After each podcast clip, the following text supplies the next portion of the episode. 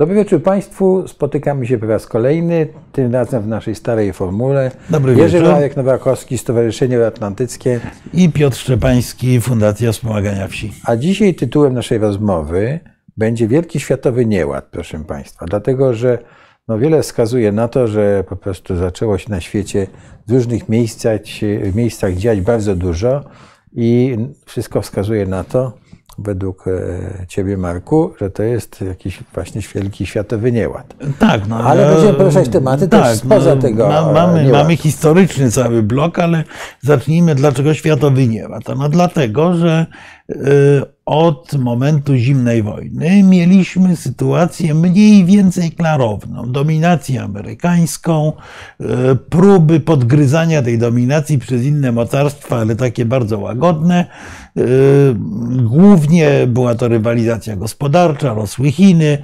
Wszystko to było jakby pod kontrolą. Mieliśmy y, procesy globalizacji i to wszystko zaczęło się krok po kroku walić, a takim, y, takie dwa ciosy, które kompletnie to, y, ten dotychczasowy porządek podminowały, no to z jednej strony była pandemia, porwane łańcuchy dostaw, wielki znak zapytania postawiony nad globalizacją, a ostatecznie y, wysadziło to w powietrze y, działanie Rosjan, y, napaść na Ukrainę y, pełnowymiarowa, jak to ładnie się określa, bo ta napaść nastąpiła wcześniej tak naprawdę w 2014 roku, ale y, luty 2022 to jest pełnowymiarowa wojna y, i całkowita zmiana mechanizmów polityki. Już ta opowieść o rywalizacji gospodarczej, o wciąganiu do cywilizacji poprzez handel y, okazały się kompletnie nieistotne wobec nagiej siły.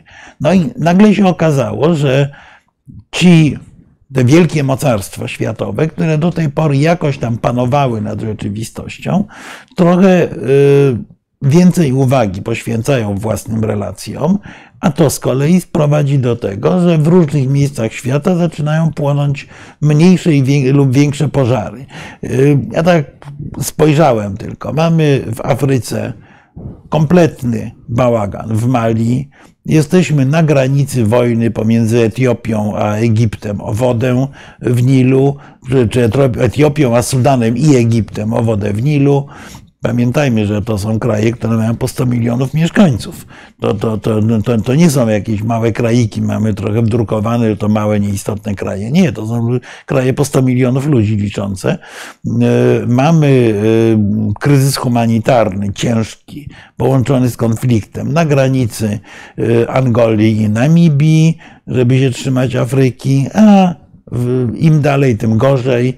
E, Znowu przechodząca w fazę gorącą wojna pomiędzy Azerbejdżanem i Armenią. E, Azerbejdżan, ze względu na to, że Rosjanie wycofują swoich żołnierzy e, z Górskiego Karabachu, zajął kluczową miejscowość Lacin, czyli po ormiańsku Berdzor. Taką miejscowość, która rygluje korytarz łączący Armenię z y, y, enklawą Górskiego Karabachu. Chciałbym Cię prosić, żebyś się zatrzymał na chwilkę na tym kon- konflikcie. Dobrze, żebyś, e, e, żebyśmy, żebyś, ponieważ on ten trwa i, i e, Azerbejdżan wykorzystuje. Jak, e, No, ja bym powiedział, że to jest w ogóle jest ale matka wszystkich korzenie, wojen. Korzenie, właśnie. No właśnie, powiedział, to jest o- matka o wszystkich wojna- wojen w Związku Sowieckim. No My dzisiaj y, obchodzimy dość uroczyście wspomnienie związane ze śmiercią Michała Gorbaczowa. Otóż tak naprawdę ojcem chrzestnym tego konfliktu był właśnie Gorbaczow. Z tym Gorbaczowem to tak nie jest, że on miał zupełnie czyste ręce, a konflikt pomiędzy Azerbejdżanem i Armenią to jest konflikt bardzo stary. To jest konflikt o niewielką enklawę. To jest y, Górski Karabach, proszę Państwa, to jest dwa polskie powiaty mniej więcej. To jest około 100 tysięcy mieszkańców, więc w ogóle wydawałoby się nic istotnego. Tylko dla mitologii narodowej Ormian to jest obszar zupełnie kluczowy. Ja wiem, to jest coś takiego jak dla nas Kraków y, i okolice, powiedzmy. Miejsce, gdzie zawsze przed, trwała ormiańska kultura i ormiańska większość. Ten teren decyzją Stalina został wcielony do Azerbejdżanu jako obszar autonomiczny. To była genialna polityka sowiecka, która budowała takie właśnie różne konflikty i potem została przez mm, państwo rosyjskie i jeszcze przez upadający Związek Sowiecki znakomicie wykorzystana do stworzenia iluś tam zamrożonych konfliktów. pierwszym tym konfliktem zamrożonym y, na terenie byłych Sowietów był właśnie Górski Karabach.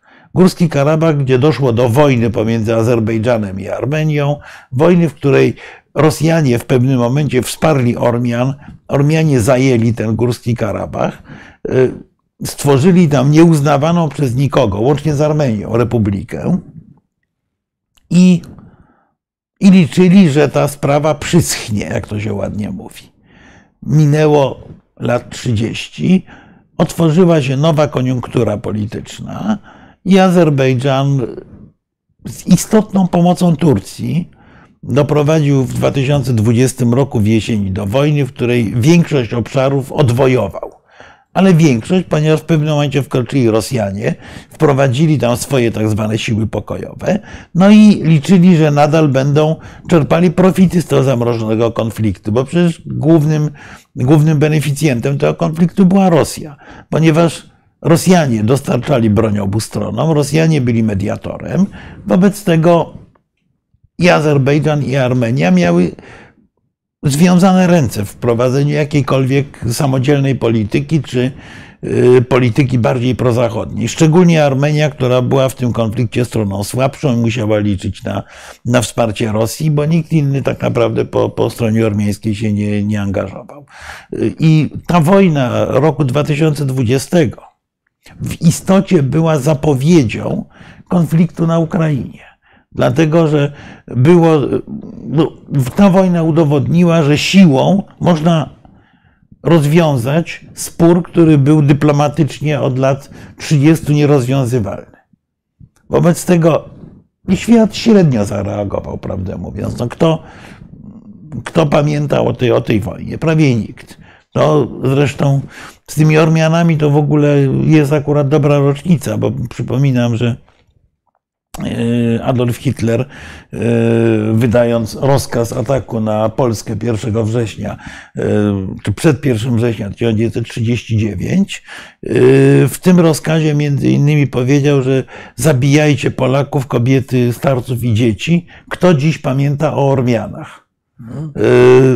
Bo ludobójstwo Ormian w Turcji w roku 1915 rzeczywiście było politycznym, wielkim sukcesem tureckim, który do dzisiaj właściwie zamyka sprawę jakichkolwiek ormiańskich roszczeń wobec, wobec Turcji, bo terytorialnych przynajmniej, bo tam, gdzie było centrum Armenii w dawnej Turcji, no Ormian już nie ma, zostali wymordowani.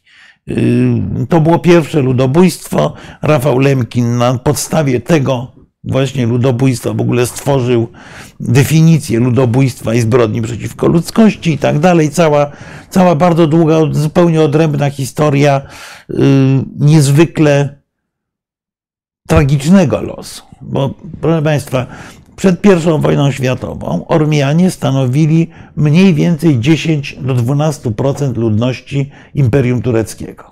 Imperium Tureckiego większego niż dzisiejsza Turcja. Wobec tego, gdyby nie to ludobójstwo, to można powiedzieć, że Ormian byłoby nie 3 miliony w Armenii, tak jak teraz, czy nawet dwa z kawałkiem, tylko było by tych Ormian pewnie 30 milionów. Tak? Zupełnie inna sytuacja. Również dla Turków. Także, a, a ponieważ nikt tak naprawdę Turcji za to ludobójstwo nie ukarał, to okazało się, że to jest bardzo skuteczna metoda. Zresztą, proszę Państwa, no, y, jak patrzymy, mówimy znowu o II wojnie światowej, to pamiętajmy, że Żydów na świecie dzisiaj jest wciąż mniej niż było we wrześniu 1939 roku. Czyli Holokaust okazał się także w jakimś sensie skuteczny w chorym myśleniu, w chorym myśleniu Hitlera. I tak dalej, i tak dalej. No ale można o tym bardzo długo mówić. W każdym razie dzisiaj Sergiej Ławrow zaczął grozić e, Mołdawii, bo prześladują rzekomo Rosjan. A Mołdawia to jest kolejny taki konflikt jak Górski Karabach. Jest Naddniestrze. Znów dziecko paktu Ribbentrop-Mołotow, bo Mołdawia przed II wojną światową była podzielona pomiędzy Rumunię i Związek Sowiecki. I fragment Mołdawii na lewym brzegu Dniestru, tak zwany Naddniestrze właśnie, był częścią Związku Sowieckiego. Potem, po II wojnie światowej, powstała Republika Mołdawii, w całości włączona do Sowietów, no ale jako oddzielna republika. Uzyskała niepodległość i ta część, która była historycznie dłużej pod władzą sowiecką, ogłosiła secesję, nie zgadzając się na taką sytuację polityczną, jaka powstała w Mołdawii. No i teraz Rosjanie stworzyli tam niedużą bazę wojskową, 2000 ludzi, no ale cały czas są tam obecni. Oni są gwarantem tej, w cudzysłowie, niepodległości Naddniestrza. Tak był Górski Karabach niepodległy, tak niepodległe i przez nikogo nie uznawane jest Naddniestrze. Kolejny zamrożony konflikt. I ten zamrożony konflikt teraz służy Ławrowowi do tego, żeby straszyć żeby straszyć Mołdawię, y, mówiąc, że jeżeli się pojawią jakieś ataki na żołnierzy rosyjskich, no to Rosja y, rezerwuje sobie prawo do interwencji militarnej. Czyli mamy kolejny cel po Ukrainie Mołdawię. Mołdawię, która została uznana za kandydata do Unii Europejskiej bardzo niedawno, w okresie już po, po, po, po wojnie, którą Rosjanie wytoczyli Ukrainie. Czyli kolejny punkt zapalny. Następny punkt zapalny Abchazja, która ogłosiła, że chce się przyłączyć do Rosji. Y, Gruzja, która jest w tej chwili rozdzierana bardzo głębokim wewnętrznym konfliktem, bazującym właściwie na tym, kto jest pro, kto jest antyrosyjski. Gruzja, która była bardzo wyraźnie skierowana na Zachód, ale która nie została przez Unię Europejską uznana za kraj, który jest kandydatem. Mhm. Postawiono całą listę, e, całą listę oczekiwań wobec Gruzji, których raczej Gruzja nie wypełni w tym, w tym roku, a, a powinna.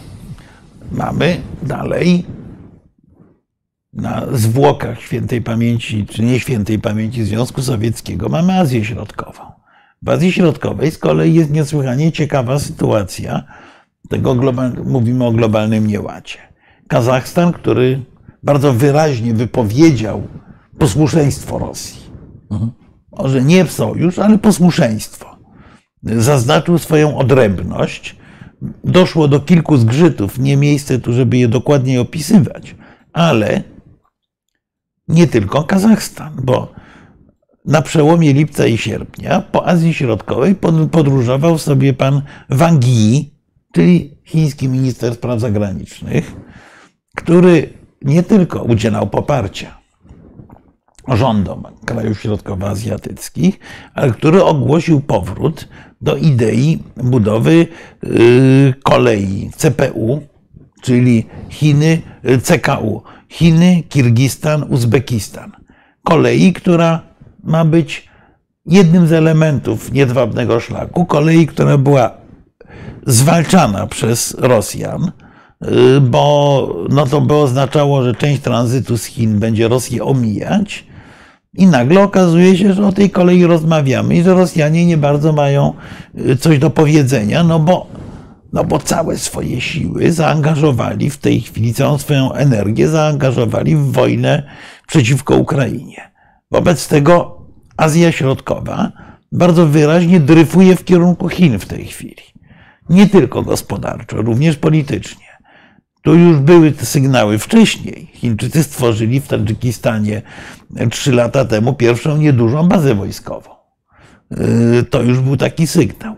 Mamy kolejny sygnał w postaci talibów, którzy dochodzi regularnie do starć na granicy Uzbekistanu. Uzbekistan, pamiętajmy, to jest takie i historyczne, i demograficzne centrum tego obszaru Azji Środkowej. Najwięcej mieszkańców, Uzbecy pamiętają swoją wielkość, czasy Samarkandy, Buchary, Timura i tak dalej.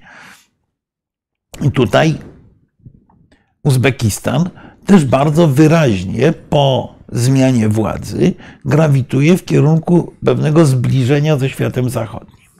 Mamy decyzję o rozbudowie portu w Baku, ale portu w Baku dlatego, że ten port ma obsługiwać tranzyt ropy naftowej z Kazachstanu i Uzbekistanu na zachód z ominięciem Rosji.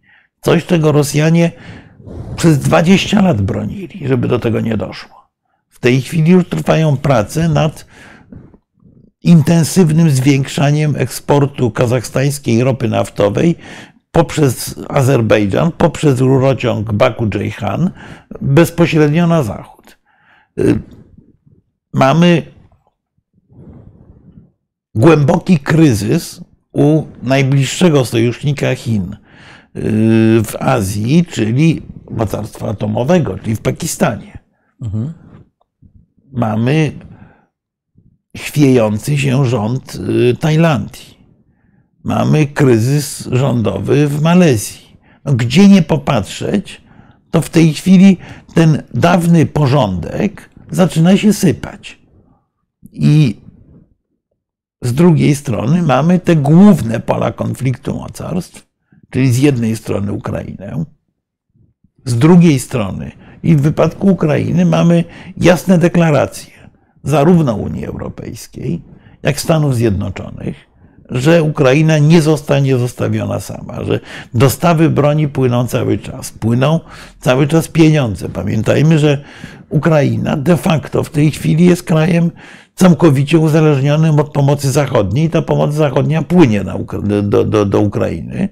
Płynie na tyle istotna, że Ukraina zaczyna być gotowa do kontrofensywy skierowanej przeciwko Rosjanom. Porażka Rosji, strata Hersonia, strata e, korytarza lądowego prowadzącego na Krym może prawdopodobnie zdetonować głęboki kryzys polityczny w samej Rosji. Do tego oczywiście mamy bałagan w Europie. Bałagan w Europie wynikający z tego, że Europa wdepnęła w poważny kryzys energetyczny szczególnie, ale raczej kryzys gospodarczy, który pewnie, pewnie potrwa chwilę, bo premia w postaci tanich surowców rosyjskich się skończyła i Europa musi znaleźć na to dobrą odpowiedź. Jednocześnie Europa nie bardzo może tej odpowiedzi, tej odpowiedzi szukać w Chinach, bo też mało kto zauważył, że na przykład Niemcy e, potroili swoją obecność e, na Morzu Południowym, na, na, e, obszarze Indo-Pacyfiku, wysyłając swoją flotę na ten obszar, a to oznacza, że Niemcy są skłonne wykonywać zobowiązania sojusznicze wobec Stanów Zjednoczonych. NATO na szczycie w Madrycie powiedziało, że staje się sojuszem globalnym. 15 niemieckich samolotów w tej chwili uczestniczy w manewrach i w ćwiczeniach na terenie Australii. Mam wrażenie, że my z perspektywy Warszawy patrzymy trochę na świat z takiej bardzo żabiej perspektywy. Patrzymy na konflikt toczący się w Ukrainie, patrzymy na nasze najbliższe okolice, nie zdając sobie sprawy, że znaleźliśmy się w fazie kompletnie nowego układania porządku na świecie.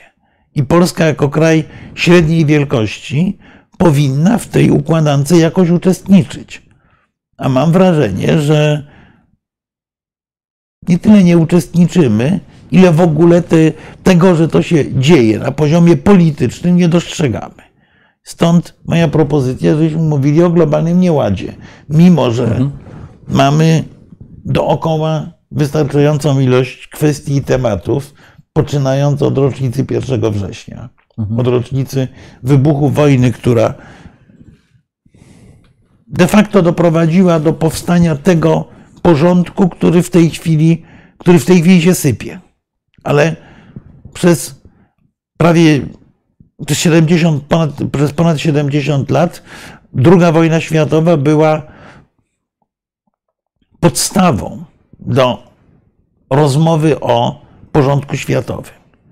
Wtedy, kiedy rodzi się nowy, nagle myśmy się obudzili i żądamy reparacji za II wojnę światową od Niemców. Oczywiście w sytuacji, gdy Niemcy są dla nas kluczowym sojusznikiem w budowaniu nowej Europy. Sojusznikiem, z którym powinniśmy twardo rozmawiać, zgoda. Natomiast y, bez Niemców y, tej Europy nie zbudujemy. A... No, ale mamy Amerykę, wiesz, to jest przecież y, takie, takie zrozumowanie. Ja prawda? bardzo lubię Cata Mackiewicza, który, który ukuł takie powiedzenie o sojuszach egzotycznych. Mhm. Otóż tak. Sojusz egzotyczny, czyli sojusz z krajem, który niekoniecznie ma swoje interesy. Amerykanie, dopóki mają swoje interesy, to jest ok. Tylko, czy Ukraina jest dla Stanów Zjednoczonych yy, priorytetem? Nie. Priorytetem dla Stanów Zjednoczonych jest zachodni Pacyfik. Zachodni Pacyfik, czyli jeżeli dojdzie do wojny wokół Tajwanu, a może do niej dojść w każdej chwili, bo oczywiście nie mówiliśmy o Chińczykach, a tymczasem tylko w ciągu ostatnich dni zdarzyły się dwie rzeczy. Rzecz pierwsza to ustalenie daty zjazdu Komunistycznej Partii Chin. Zjazdu, który ma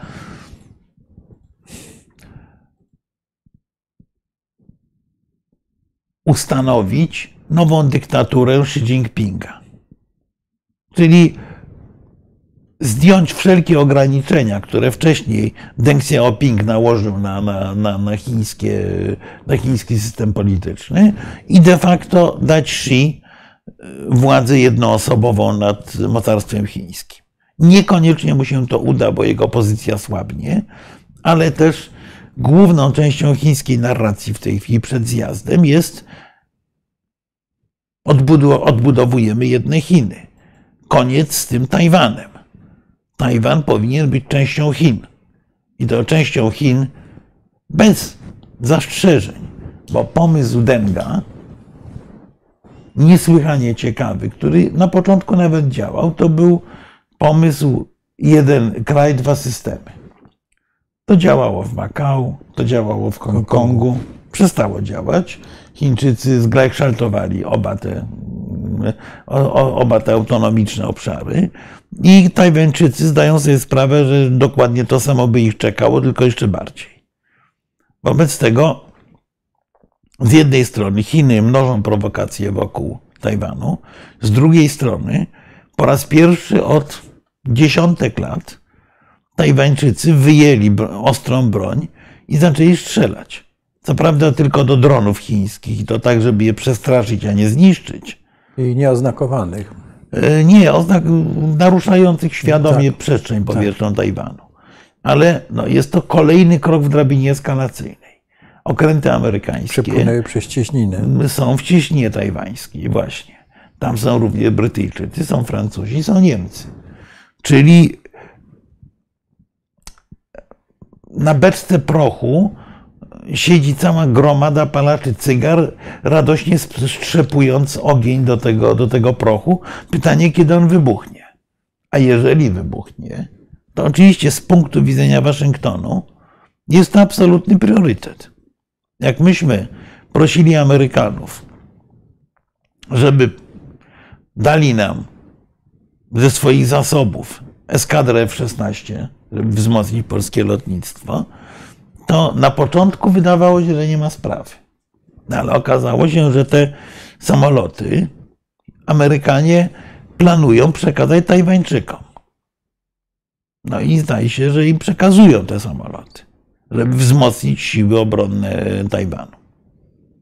I to jest taki sygnał. Jeden z wielu, bo pamiętajmy, że nawet amerykański przemysł zbrojeniowy może nie udźwignąć obciążenia wynikającego z zaopatrywania Ukrainy, wzmacniania Tajwanu, wzmacniania armii amerykańskiej. Yy, I my jesteśmy uzależnieni całkowicie, również na poziomie naszej zbrojeniówki, od dostaw komponentów ze Stanów. i, do, i dostaw amerykańskiej broni.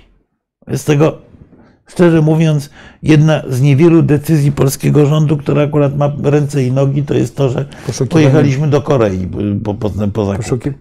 Poszukiwanie broni by tam, tam, gdzie ona jest do kupienia Tak. szybko. Tak, bo, bo, bo okazuje się, że Europa broni nie ma, Amerykanie są na granicy wydolności, yy, a my mamy zapasy powiedzmy nie za duże, mówiąc bardzo, ba, bardzo oględnie. A wszystko to jest efektem właśnie tego globalnego nieładu. Tego, że my nie wiemy, czy możemy liczyć na Turków. Turcy No właśnie, ale- Zadeklarowali, że Bajraktary będą produkowali na Ukrainie. Owszem, tylko jakoś nam tego nie zaoferowali, mimo że jesteśmy sojusznikiem w NATO. No ale y, to wróćmy tutaj do wizyty Erdogana y, w, w Ukrainie, prawda? I. No, to i w ogóle to, to było i- mistrzostwo świata dyplomatyczne. No i bo tutaj się coś wydarzyło takiego, co w ogóle zostało niezauważone i znaczy zostało zauważone, e, ale nie zauważone przez polskie e, media, zwłaszcza te e, rządowe, tak? E, No i to wróćmy do tego na chwilę. No, prezydent Turcji, jak wszyscy zresztą przywódcy światowi, podróżował do Lwowa, gdzie spotykał się z prezydentem Załęskim przez Rzeszów.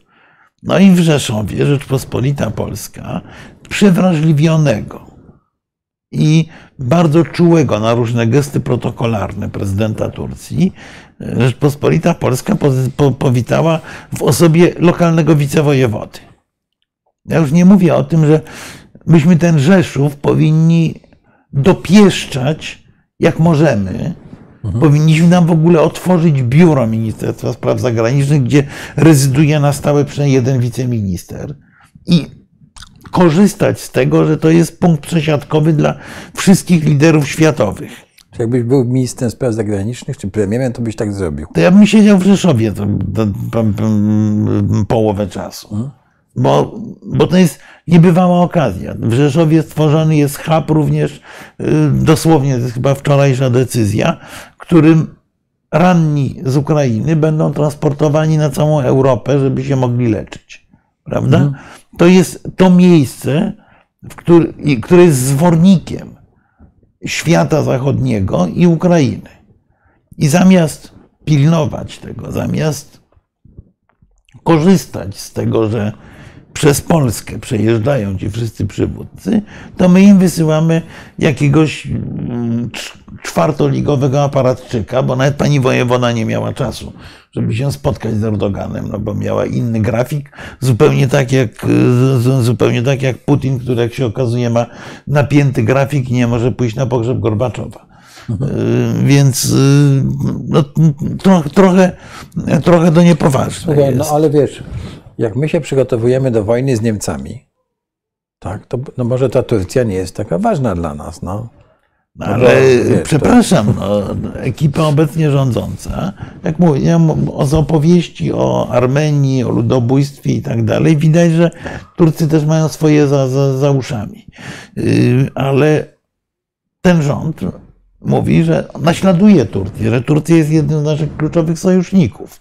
Po czym tego kluczowego sojusznika, mówiąc bardzo kolokwialnym językiem, olewa, wtedy, kiedy może skorzystać, mówię, no właśnie choćby w ten sposób, żeby zacząć rozmawiać, a dlaczego tych dronów tureckich nie robić w Polsce?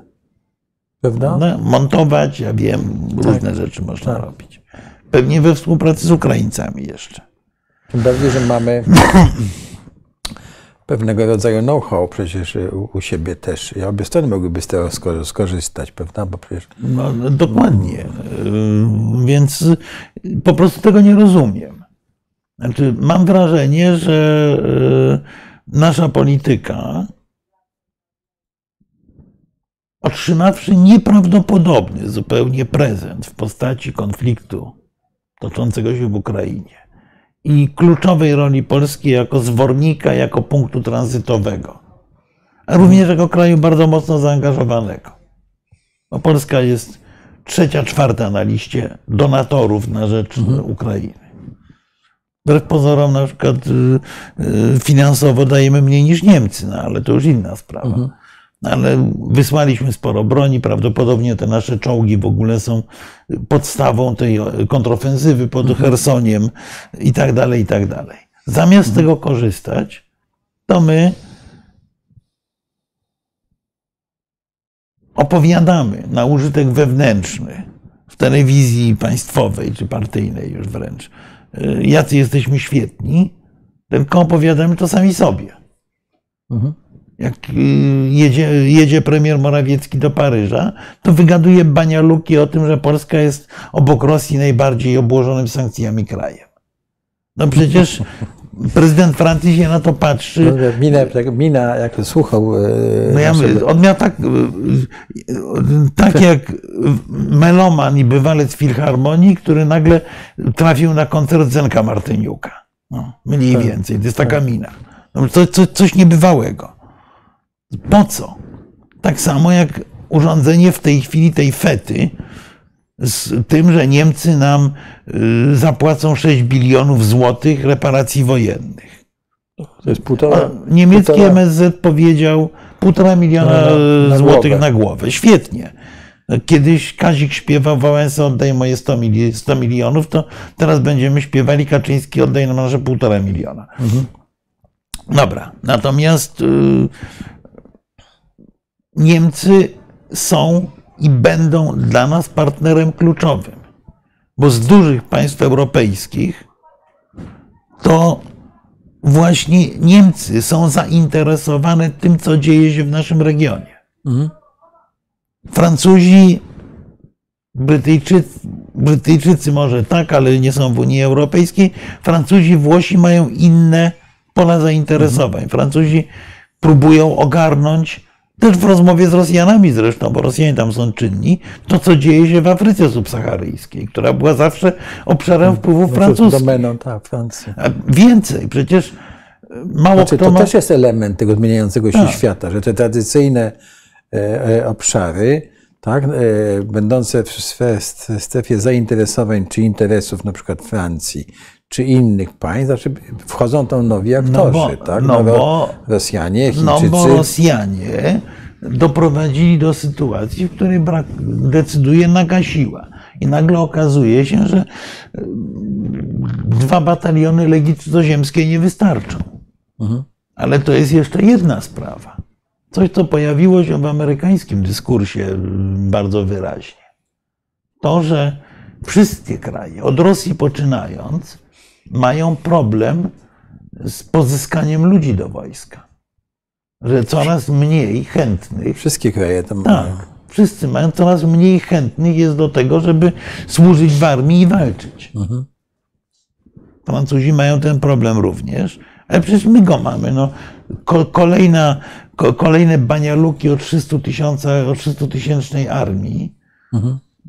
W sytuacji, kiedy nie ma chętnych do tej armii, no to co, będziemy mieli przymusowy pobór znowu? No tak, to żadna wartość tej W nowoczesnej armii ten przymusowy pobór się nie sprawdza.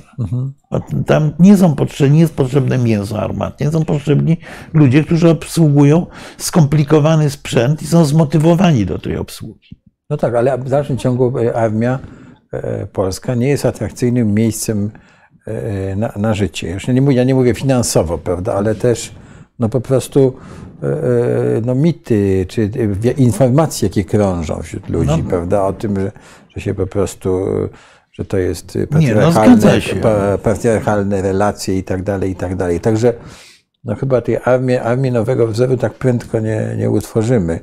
Ym, Znaczy, powinniśmy tworzyć armię nowego wzoru, a nie armię starego wzoru, bo ja mam dojmujące wrażenie, że cały czas yy, mówimy o armii starego wzoru, właśnie. Mhm. Dużo czołgów, dużo żołnierzy, yy, no i co z tego? Nic. Więc y, przecież też nie ma, nie, ma, nie ma debaty na ten temat. Jest, są kolejne propagandowe wydmuszki. Tak jak propagandową wydmuszką jest licząca 500 stron ustawa o obronie ojczyzny. Pięknie brzmi. Ma kilka punktów, które się bardzo dobrze sprzedają. Tylko ustawa o obronie ojczyzny na przykład zapomniała o czymś takim, jak obrona cywilna. Obrona cywilna, zrobiła- która na przykład powinna się zająć katastrofą na Odrze. Obronę cywilną zlikwidowano, zniknęła w ogóle. To, to że cokolwiek jeszcze działa, to, to działa przez przypadek i poza ustawą. Zniknęła, bo rozumiem, że ta ustawa e, o obronie zawiesiła w ogóle działanie ustawy o obronie Tak, nie, no, cywilnej. Jest wszystkie, bo wszystkie Nie ustawy unieważniła, a ona tego nie zawiera, bo, Tak. bo, bo autorzy akurat na to nie wpadli, że powinna. Mhm. No, no, No to jesteśmy w punkcie, znaczy jesteśmy przy no to zagadnieniu teraz jakieś projekty krążą, ale to są projekty, zdaje się, nie, nie, nie, nie, nie, nie specjalnie dobre. No, ale to jest jeden z dziesiątków przykładów tego, że obserwując globalną rewolucję, globalną, globalne przestawianie wszystkich figur na szachownicy, my się zajmujemy y, grą y, w, w, warcaby w naszym kąciku. Znaczy między sobą to tak. Tak, tak, tak, tak. W naszym kąciku w ogóle nas nie interesuje nic innego. I szanse, które ma Polska, bo ma szansę istnienia jako znaczący gracz międzynarodowy, co również oczywiście wiąże się z pieniędzmi, poziomem życia i tak dalej, po kolei marnujemy. Bo przecież niewprowadzenie Krajowego Planu Odbudowy to nie jest tak, że my nie dostajemy tam tych 120, 700, jak liczyć, miliardów. Mhm. To jest coś dużo ważniejszego, ponieważ my ich nie dostajemy, a inni je dostają. Wobec tego dystans zaczyna rosnąć, bo nie dostają na inwestycje, na zieloną transformację. Yy, My nie mamy na to pieniędzy, bo mm, no bo, no, no, no, no, no, bo, no bo ich znaczy możemy nadrukować, tylko one nie będą nic warte wtedy. Drukujemy, no ale zawalamy po kolei różne, ró- różne elementy tego, ten, ten, tej całej układanki, bo mieliśmy dobry pomysł, że będziemy takim regionalnym hubem gazowym. Mamy gazoport, y, mamy Baltic Pipe i tak dalej, rurociągi, No ale już to, ale to już wszystko no, jest nie, nie, nieaktualne. znaczy, to jest o tyle nieaktualne, że yy, nie mamy podpisanych kontraktów. Właśnie. Znaczy, autorom tych pomysłów wydawało się, że jak wybudują rurę, to jest świetnie. No, tylko yy, tą rurą musi coś płynąć. A na razie nie ma co. Powinniśmy być kontrybutorem yy, energii yy, i eksportu na Ukrainę. Nie. Powinniśmy naszą infrastrukturę na przykład dostosować do tego, że prawdopodobnie tak czy inaczej, bo konflikt jest długotrwały, istotna część handlu ukraińskiego będzie szła przez Polskę. Nawet jak odblokują Odessę, to ona wszystkiego nie obsłuży. Więc powinniśmy linie kolejowe, drogi ciągnąć tak, żeby łączyły Ukrainę z naszymi portami, żeby one obsługiwały to wszystko. No ale Dobrze, tego to- nie robimy. Wróćmy do Erdogana i powiedzmy coś ko- konkretnego w takim razie. Udało mu się załatwić deal Udało mu zbożowy? się załatwić deal zbożowy. Tak. Y, To oczywiście, ale właśnie to jest myślenie Erdogana dużo bardziej, przy ogromnie krytycznej opinii na jego temat, dużo bardziej rozsądne niż nasze. Bo Erdogan ten deal zbożowy załatwiał nie dla siebie. On go załatwiał po to, żeby zbudować pozycję Turcji w krajach afrykańskich. Bo Erdogan mówi Egipcjanom, Sudańczykom, Tunezyjczykom, którzy są uzależnieni od ukraińskiego zboża, no, ja wam to załatwiłem. Nie będziecie mieli rozruchów, głodu i tak dalej. Okazał się sprawnym negocjatorem.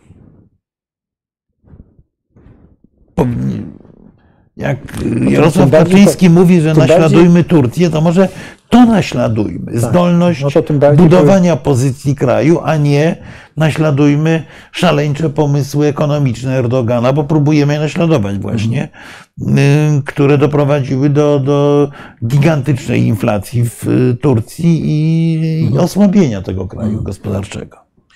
Y, to coś jeszcze konkretnego. W takim razie mieliśmy wi- przemówienie Scholza y, na Uniwersytecie. No, bo mówiliśmy o Niemczech. To już jest drugie właśnie. takie przemówienie, tym razem łagodniejsze, tym razem wyraźnie koncyliacyjne wobec sąsiadów, ale przemówienie, które w istocie mówi o jednej rzeczy.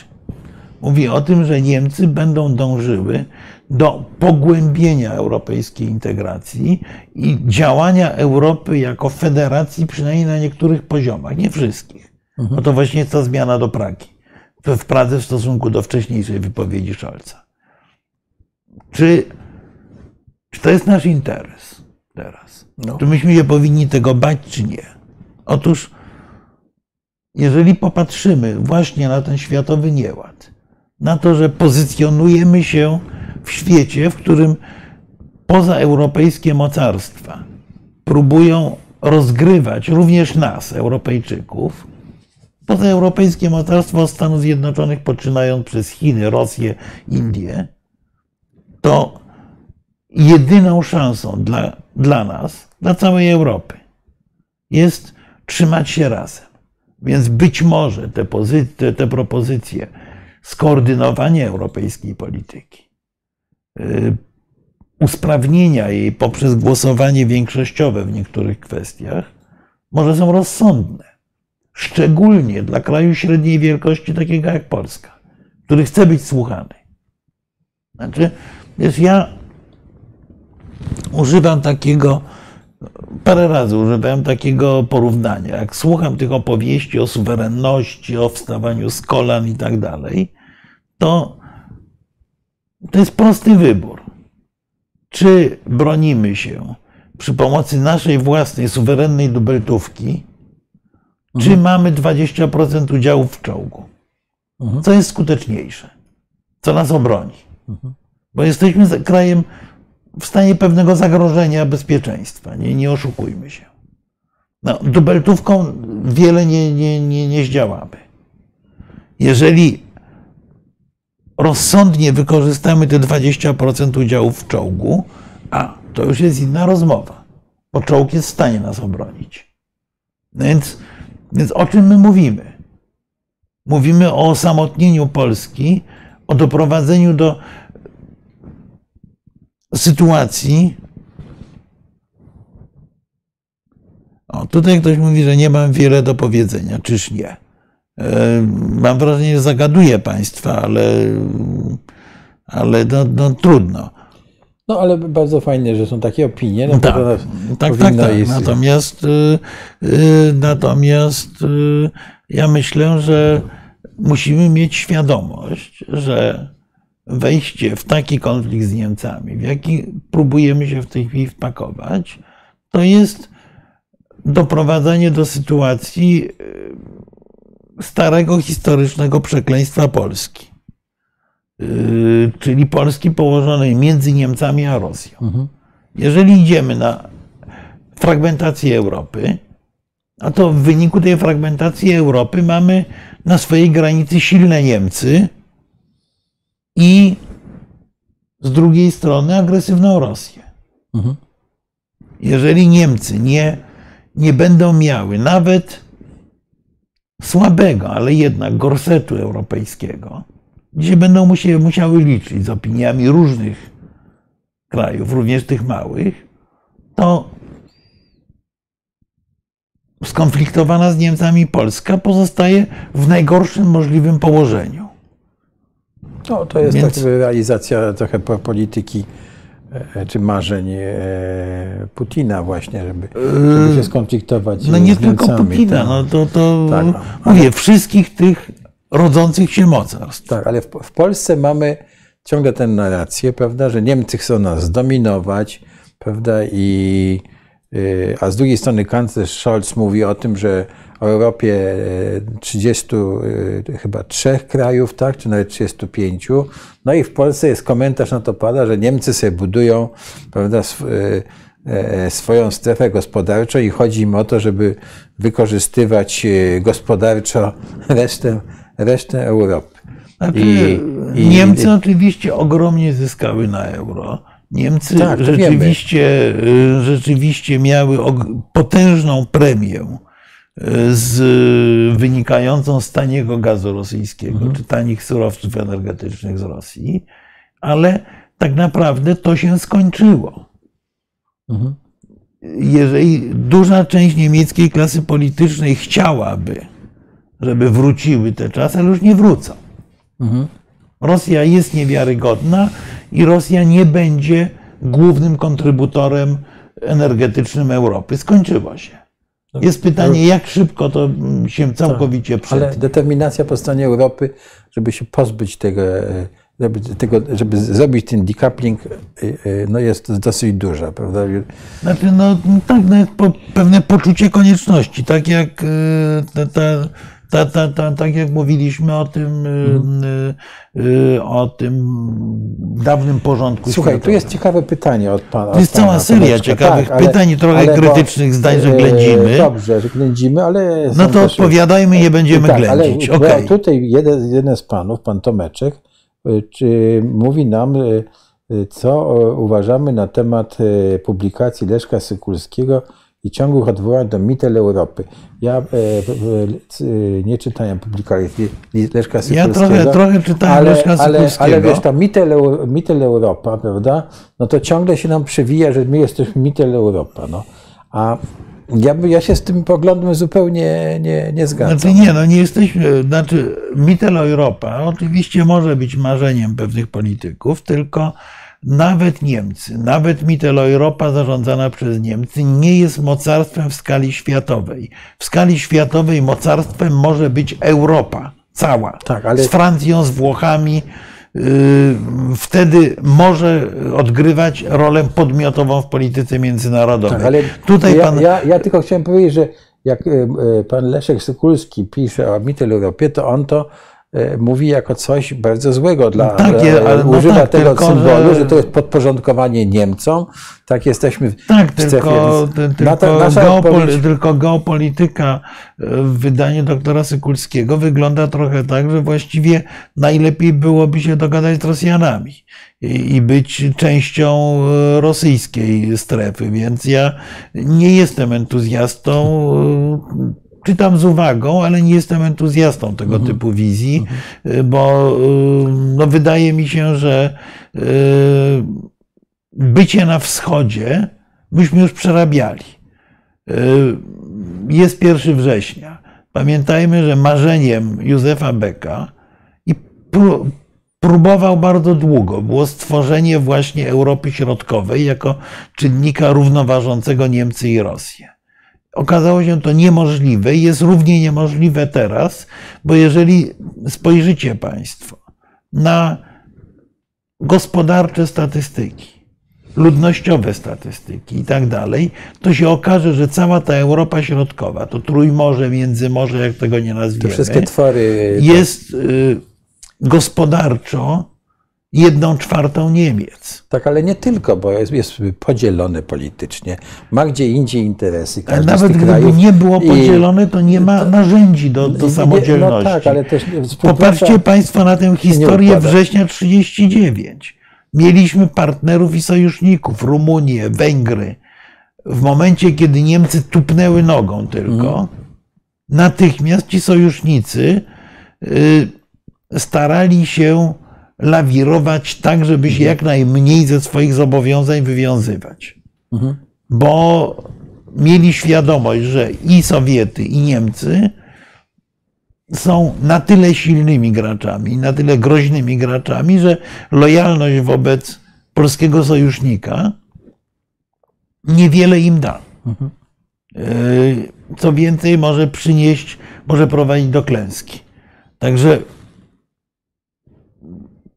nie sądzę, żeby to myślenie o Mitteleuropie, czy niemieckiej, czy nie niemieckiej, było myśleniem realistycznym. Myślenie realne to jest albo myślenie o względnie zjednoczonej Europie, bardzo blisko współpracującej ze Stanami Zjednoczonymi i wtedy mającej status jednego z podmiotów polityki światowej, albo o podzielonej Europie.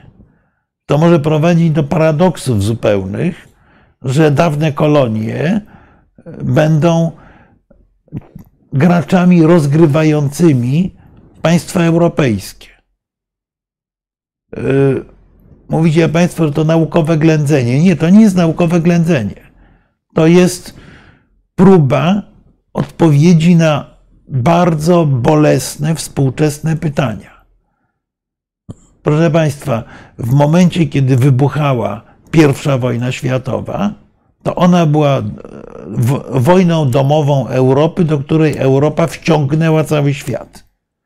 W momencie, kiedy wybuchała druga wojna światowa, to była wojna Europy i okolic amerykańskich za chwilę, która również była konfliktem światowym. W tej chwili Europa coraz bardziej się peryferyzuje, bo jest za słaba wobec gigantycznych e, państw, takich jak Chiny, jak Indie, jak kilkuset milionowa Indonezja, e, Europa jest e, coraz bardziej marginalna. Proszę pamiętać, że Europa przed II wojną światową to była bodaj jedna trzecia ludności globu. W tej chwili Europejczycy są no tak, garstką. Garstką, tak. Ale ja bym wrócił jeszcze do tej kwestii Niemiec i mitel Europy. Otóż e, jak małe dziecko, takie e, bobastaki, to jeszcze nie ma skoordynowanych ruchów i na przykład pcha sobie palec do nosa tak, i wrzeszczy, że e, bo, bo boli. Tak? I my w pewnym sensie no niestety Polska się zachowuje tak samo, czy ten, czy ten rząd, bo z jednej strony my tak, nie mamy odpowiedniej polityki innowacyjnej, tak? nie dbamy o naszą edukację. Tak? Edukacja leży.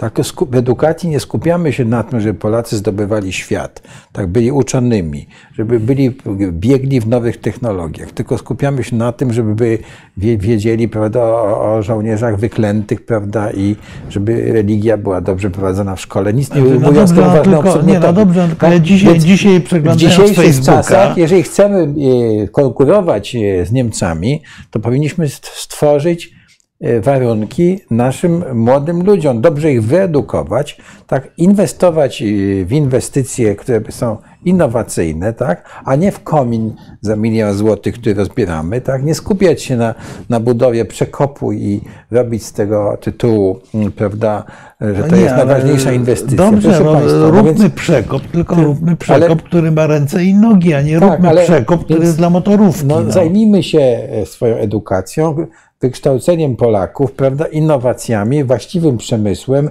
e, budową chipów i tak dalej i będziemy wtedy, nie będziemy wtedy e, półperyferią dla przemysłu niemieckiego, tylko będziemy partnerem prawda? Tak, no, e, w innowacjach. No, świetny, świetnym przykładem jest Tajwan, który, tak. przypomina, 20 parę milionów ludności, gospodarka większa niż Polska, ale jednym z powodów istotnych, dla których te trzy fregaty niemieckie popłynęły w okolice Tajwanu, to jest to, że Tajwan produkuje 70% chipów na świecie. Mhm i żadne BMW bez tajwańskich chipów nie pojedzie. Znaczy pojedzie, ale może nie, nie będzie wykrywało, no nie, nie, no nie, nie, nie.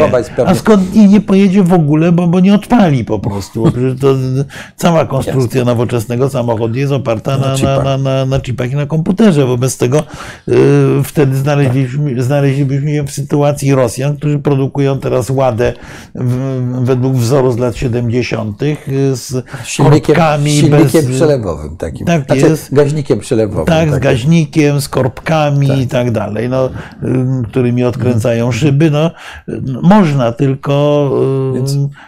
ja się zastanawiam, bo tutaj padło, ja, ja tylko, padła kwestia ja tych reparacji od żeby Niemiec. skończyć z, tym, z, tymi, z tym naszym jakimiś no, kompleksami wobec Niemców i z tymi po prostu nie, tą no, Mitteleuropą ciągle. Niemcy, no to, nie, to ale Niemcy są naszym sojusznikiem. Ja się zastanawiam, bo to pada oczywiście, to jest, to, to, to, to jest oczywiście mówiąc znowu językiem potocznym ściema ta cała sprawa reparacji, podłączenia Izraela, ale załóżmy, że nam się, że Kaczyńskiemu się uda, że namówi Greków, Izraelczyków, Serbów, do tego, żebyśmy wspólnie wystąpili, zażądali reparacji od Niemiec i Niemcy te reparacje nam zapłacą. Tylko w takim razie y, oznacza to dramatyczne osłabienie Niemiec. Otóż, czy osłabienie Niemiec leży w naszym interesie? Czy osłabienie najsilniejszej gospodarki europejskiej, która powinna i zapowiada, że zainwestuje 100 miliardów euro w zbrojeniówkę, to jest na pewno nasz interes. Bo mam pewne wątpliwości, bo oczywiście możemy osłabiać Europę, osłabiając również Niemcy, tylko w tej sytuacji y, rola Polski jako części Układu Europejskiego będzie jeszcze mniejsza niż jest do tej pory. Przecież naprawdę jedną z kluczowych kwestii hmm? dla Polski jest utrzymanie względnej jedności Europy. To jest, to nas po raz pierwszy od XVI wieku przeciągnęło na tą lepszą stronę rzeczywistości. To, że ta Europa była zjednoczona. Gdyby nie była zjednoczona, nie mielibyśmy za bardzo dokąd iść. Tak. Ale wtedy by, wtedy by nam groziło bycie kolonią niemiecką, czy bycie, Czyli... jak mówił Kaczyński, kondominium rosyjsko-niemieckim. Prawda? Tak. Jeżeli nie byłoby względnie zjednoczonej Europy. No tak. ci, ci, ci nasi ojcowie, nie wiem jak to nazwać, założyciele, ale ci, ci nasi politycy y, przełomu od 89-90, no wiedzieli co robią. No. Y, my też. No, my mieliśmy fantastyczną koniunkturę. Tak. Oni wiedzieli, co robią. Y, Polska przeczołgała się na lepszą stronę świata. Mhm. Nie twierdzę, że nie mamy tam nie mamy słabości. Nie twierdzę, tak. że nie mamy różnic interesów z Niemcami. Mamy, ale mamy. To, nie, nie, należy w ogóle tego tylko... ukrywać. To jest tak naturalne, że mamy. Tylko mo, możemy te różnice interesów załatwiać wewnątrz e, jednego organizmu politycznego, tak, cywilizowanymi metodami, w dyskusjach. Do, tak, ale bo liczenie do, tylko na Stany Zjednoczone. Trzeba się do tego przygotować i trzeba to umieć robić i trzeba E, no, no być w tych strukturach, żeby tam wygrywać. No. No, Natomiast... dlatego, dlatego liczenie wyłącznie na Stany Zjednoczone może się okazać inwestycją niespecjalnie dobrą. Przypominam, że pierwszym mocarstwem świata, e, znowu mamy tę rocznicę 1 września, przed wrześniem 1939 roku była Wielka Brytania. I Józef Beck, kiedy otrzymał brytyjskie gwarancje yy, bezpieczeństwa, przyjechał do Warszawy szczęśliwy, przekonany o tym, że po pierwsze wojny nie będzie, a po drugie, że nawet jak będzie, to tę wojnę, to tę wojnę łatwo, wygra. łatwo wygramy. Tak. Otóż okazało się, że interesy brytyjskie po pierwsze są nieco inne niż polskie, po drugie, że w istocie Brytyjczycy kupili sobie czas. No bo wiesz, nie mieli przecież armii lądowej. Nie zupełnie. mieli, ale lotnictwo też mieli wtedy słabiutkie. Słabiutkie, tak. Y, kupili ten czas, który ich uratował, ale który ich kosztował utratę pozycji głównego imperium. Znaczy, po II wojnie światowej Wielka Brytania spadła do roli państwa dużego, ale już nie imperium. No tak, ale jak weźmiemy pod uwagę 40-41 rok, no przecież istnienie Wielkiej Brytanii no było, tak powiem, na krawędzi. To tak. musimy sobie zdawać z tego tak. sprawę, tak? Nie możemy patrzeć z dzisiejszej perspektywy, tak? Ten e, wspaniały film, e, prawda, Mroczna e, godzina, czy Mroczny mm, tak. czas, tak? Gdzie ten rozpaczliwy telefon Churchilla do Roosevelta, tak. że dajcie nam te okręty, no ale nie mogę wam dać okrętu, bo mm. mnie tutaj, prawda, tak. no to może tak zrobimy, no nie mogę, tak, no i, mm. prawda? No i no to przecież to była wyspa, tak. wyspa ostatniej nadziei, tak, gdzie wszyscy jechali, tak. tak, i to była po prostu powódź. E, e, na, na, na, Niemcy zalewali Europę, No prawda? tak, ale, ale właśnie na nasze wyspę. przekonanie, że na- Brytyjczycy są tak potężni, nas obronią, było absolutnie... No bo była- Pamiętajmy, że no była trzeciego... wynikiem naiwności i braku rozeznania, Marku. No. No, Tak, bo, a no, poza tym tego, że siły brytyjskie też były rozproszone na świecie i że Brytyjczycy też mieli różne interesy. Mhm. Więc te, te, też warto o tym pamiętać. Mhm. Otóż pamiętajmy o tym, że dla Stanów Zjednoczonych Europa Środkowo-Wschodnia jest obszarem peryferyjnym. zupełnie i- peryferyjny. Yy, liczenie tylko na Amerykanów może się okazać yy, rachunkiem no, bardzo wątpliwym. Musimy oczywiście, i cała Europa musi liczyć na Amerykanów, bo tylko oni są w stanie nas obronić, ale, ale powinniśmy, no, sam Kaczyński to lata temu mówił, potem sam temu zaprzeczył, budować silną obronę europejską. Nie ma silnej obrony europejskiej bez Niemców. Właśnie, on- Szczególnie bez niemieckiego przemysłu. Zu- Zupełnie potem od, jakby zapomniał, co mówił. Ale e, słuchaj, proponuję taką rzecz. Spróbujmy zrekapitulować ten wielki porządek światowy nieład, e, który się wytwarza. Jeszcze raz przypomnijmy te, te wydarzenia, e, już bez, bez wchodzenia w szczegóły, a potem wróćmy do pytań e, państwa. Dobrze? Bo Co jest- najmniej cztery punkty zapalne w Afryce, Mhm. e, rozsypujące się system bardzo delikatnej gry i wpływów na całym obszarze dawnego Związku Sowieckiego, czyli Azja Środkowa, Kaukaz Południowy, Mhm. oczywiście Ukraina. E, Głęboki kryzys polity- polityki ekonomicznej Chin na obszarze Azji, e, konflikt na Morzu Południowochińskim balans- balansujący na granicy wojny mocarstw, czyli Stanów Zjednoczonych i Chin. Dodatkowo destabilizacja rządów na obszarze Indochin. Dodatkowo kompletny bałagan, jaki panuje w tej chwili w Ameryce Południowej. Też Amerykanie nad tym nie panują. Znaczy, powiedzmy sobie szczerze, no do tej pory było tak, że y, kilka mocarstw, szczególnie Stany Zjednoczone, y, miały instrumenty dyscyplinujące nawet państwa o ambicjach mocarstwowych, takich jak Turcja, żeby nie przekraczały pewnych granic. W tej chwili okazuje się, że te instrumenty przestały działać i zaczyna się wykuwać nowy system y, porządku światowego. Jak on będzie wyglądał, nikt nie wie, ale na pewno nie będzie taki sam, nie będzie to ani zimna wojna dwóch mocarstw, ani nie będzie to Pax Americana. Prawdopodobnie będzie to kilka silnych ośrodków, z których jednym będą Stany Zjednoczone, a pytanie, gdzie w tym wszystkim znajdzie się Europa, bo Europa jest przyzwyczajona, że ona jest grupą mocarstw, a jest grupą państw średnich i małych w y, światowej, w światowej układance. Czyli- Jeżeli, jeżeli państwa europejskie, od Niemiec poczynając, przez Wielką Brytanię i Francję, będą próbowały grać samodzielnie, to, y, to przegrają. Dobrze, ale za chwileczkę wrócimy do Europy. Jeszcze rozumiem, że tak, mamy niepokoje w Iraku, prawda, i, i y, y, y, No mieliśmy tak, w Iraku właściwie powstanie sadrystów. Tak. Y, uspokojone przez kogo? Przez Iran.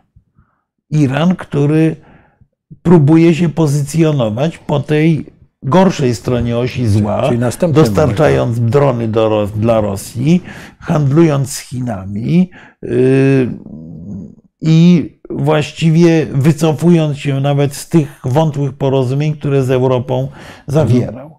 Yy, Arabia Saudyjska, która yy, coraz bardziej liczy na Chiny jako głównego odbiorcę swoich produktów, a nie na Stany Zjednoczone, które do tej pory tę Arabię Saudyjską wspierały. Jak, i były protektorem, prawda? tak, i były, i- były protektorem Arabii Saudyjskiej. Y, Więc y, mamy tak kompletny bałagan i taką sytuację, w której właściwie wszyscy gracze rozglądają się, z kim siadać wspólnie przy stole. I my w tym wszystkim prowadzimy swoje małe, nie wiadomo po co, A tak, my, a my prowadzimy wojenki. nieustanną kampanię wyborczą. tak. nieustanną kampanię wyborczą.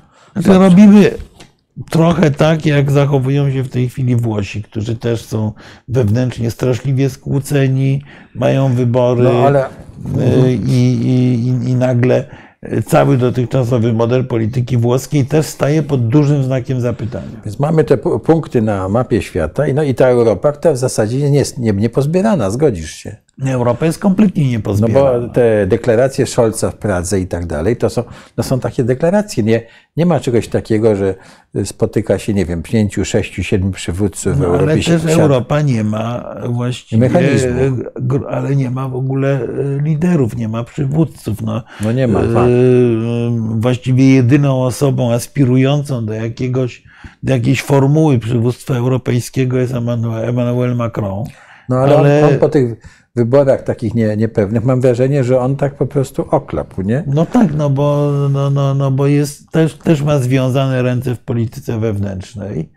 Yy, ma ambicje, ale nie ma narzędzi do realizowania tych Mhm. ambicji. No i niezbyt taką mocną pozycję też i u siebie. No, ale a kto ma mocną? Scholz ma właśnie. mocną 15% poparcia i, yy, i nie, nieustanne ataki. No nikt nie- Więc właśnie Europa yy, pogrążyła się w takiej sytuacji trochę jak była pierwsza Rzeczpospolita. Właśnie, Yy, tak, wewnętrznych waśni, sporów, wiesz, no- rozgrywek i oglądania się na zewnątrz. Wy, wydaje się, że takim jedynym mocnym punktem na e, tej mapie to są właśnie ta Szwecja i Finlandia, które są stabilne, tak? Przy, przy, No, ale są maleńkie. Ale maleńkie, no ja wiem o tym, ale, ale e, no, no, nie, to, nie, dobrze, tak to wygląda. Dobrze, wróćmy do pytań.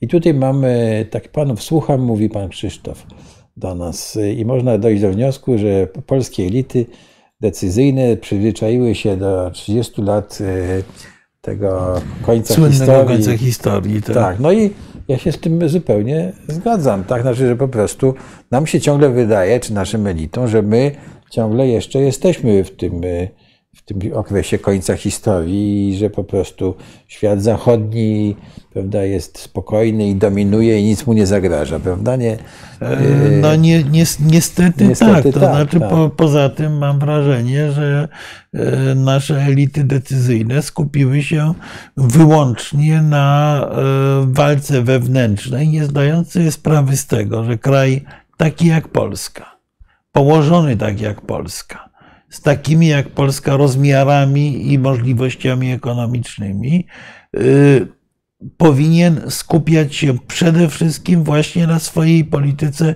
międzynarodowej, ponieważ samodzielnie y, skończymy tak, jak skończyła druga Rzeczpospolita we wrześniu 1939 roku. A druga Rzeczpospolita, pamiętajmy, była i militarnie, i politycznie, i terytorialnie, i ludnościowo dużo mocniejsza w, w, w porównaniu do otoczenia niż, niż Polska dzisiaj. Znaczy, ta druga rzecz rozpadła się w ciągu tak, dwóch tygodni w zasadzie przysły, Tak. można powiedzieć. Jak No dom, te, też, między, też między innymi dlatego, że yy, też między innymi dlatego, że była bardzo źle zarządzana w latach 30., że yy, w, obrona właściwie była niemożliwa w, takim, w takiej konfiguracji, jak zdecydowali ówcześni przywódcy, że również elita piłsudczykowska doprowadziła do sytuacji, w której była całkowicie wyalienowana z y, dużej części społeczeństwa. To y, jak y, 3 czy 4 września 1939 roku do prezydenta, do, do Rydza Śmigłego, do ówczesnego premiera Składkowskiego opozycja zwróciła się z propozycją powołania rządu jedności narodowej. Pamiętajmy, że Piłsudski w 20 roku na taki rząd się zdecydował, e, mimo że e, No jego sympatia do Romana Dmowskiego i Narodowej Demokracji była powszechnie znana. Otóż Sławoj Składkowski odpowiedział wtedy, że nie należy, jak to ładnie, bardzo ładnie to sformułował, że nie należy przeprzęgać koni w brodzie.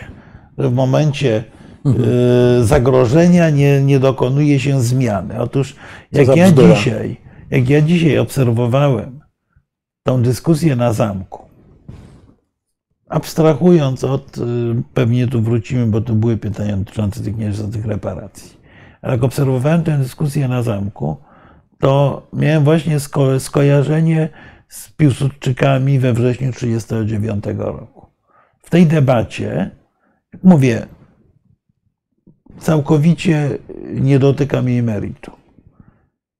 Mieliśmy wyłącznie twarze z Prawa i Sprawiedliwości.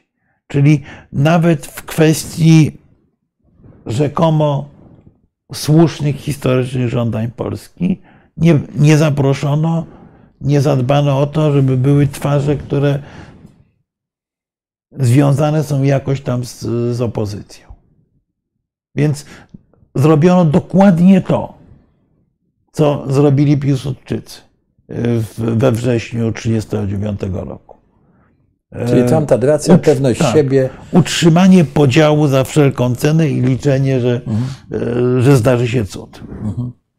Tutaj mamy pytanie e, od pana, że jak głębokie, e, pan Rob, Rob RT mówi, jak głębokie zmiany mają być wprowadzone, widać przez pryzmat e, niszczonych aspektów Starego Świata, rodziny, własności, wolności, ochrony dzieci i kobiet, prawa, wolności słowa, prywatności i tak dalej. No, No ja, tak, ja tylko chciałem powiedzieć, prawda, że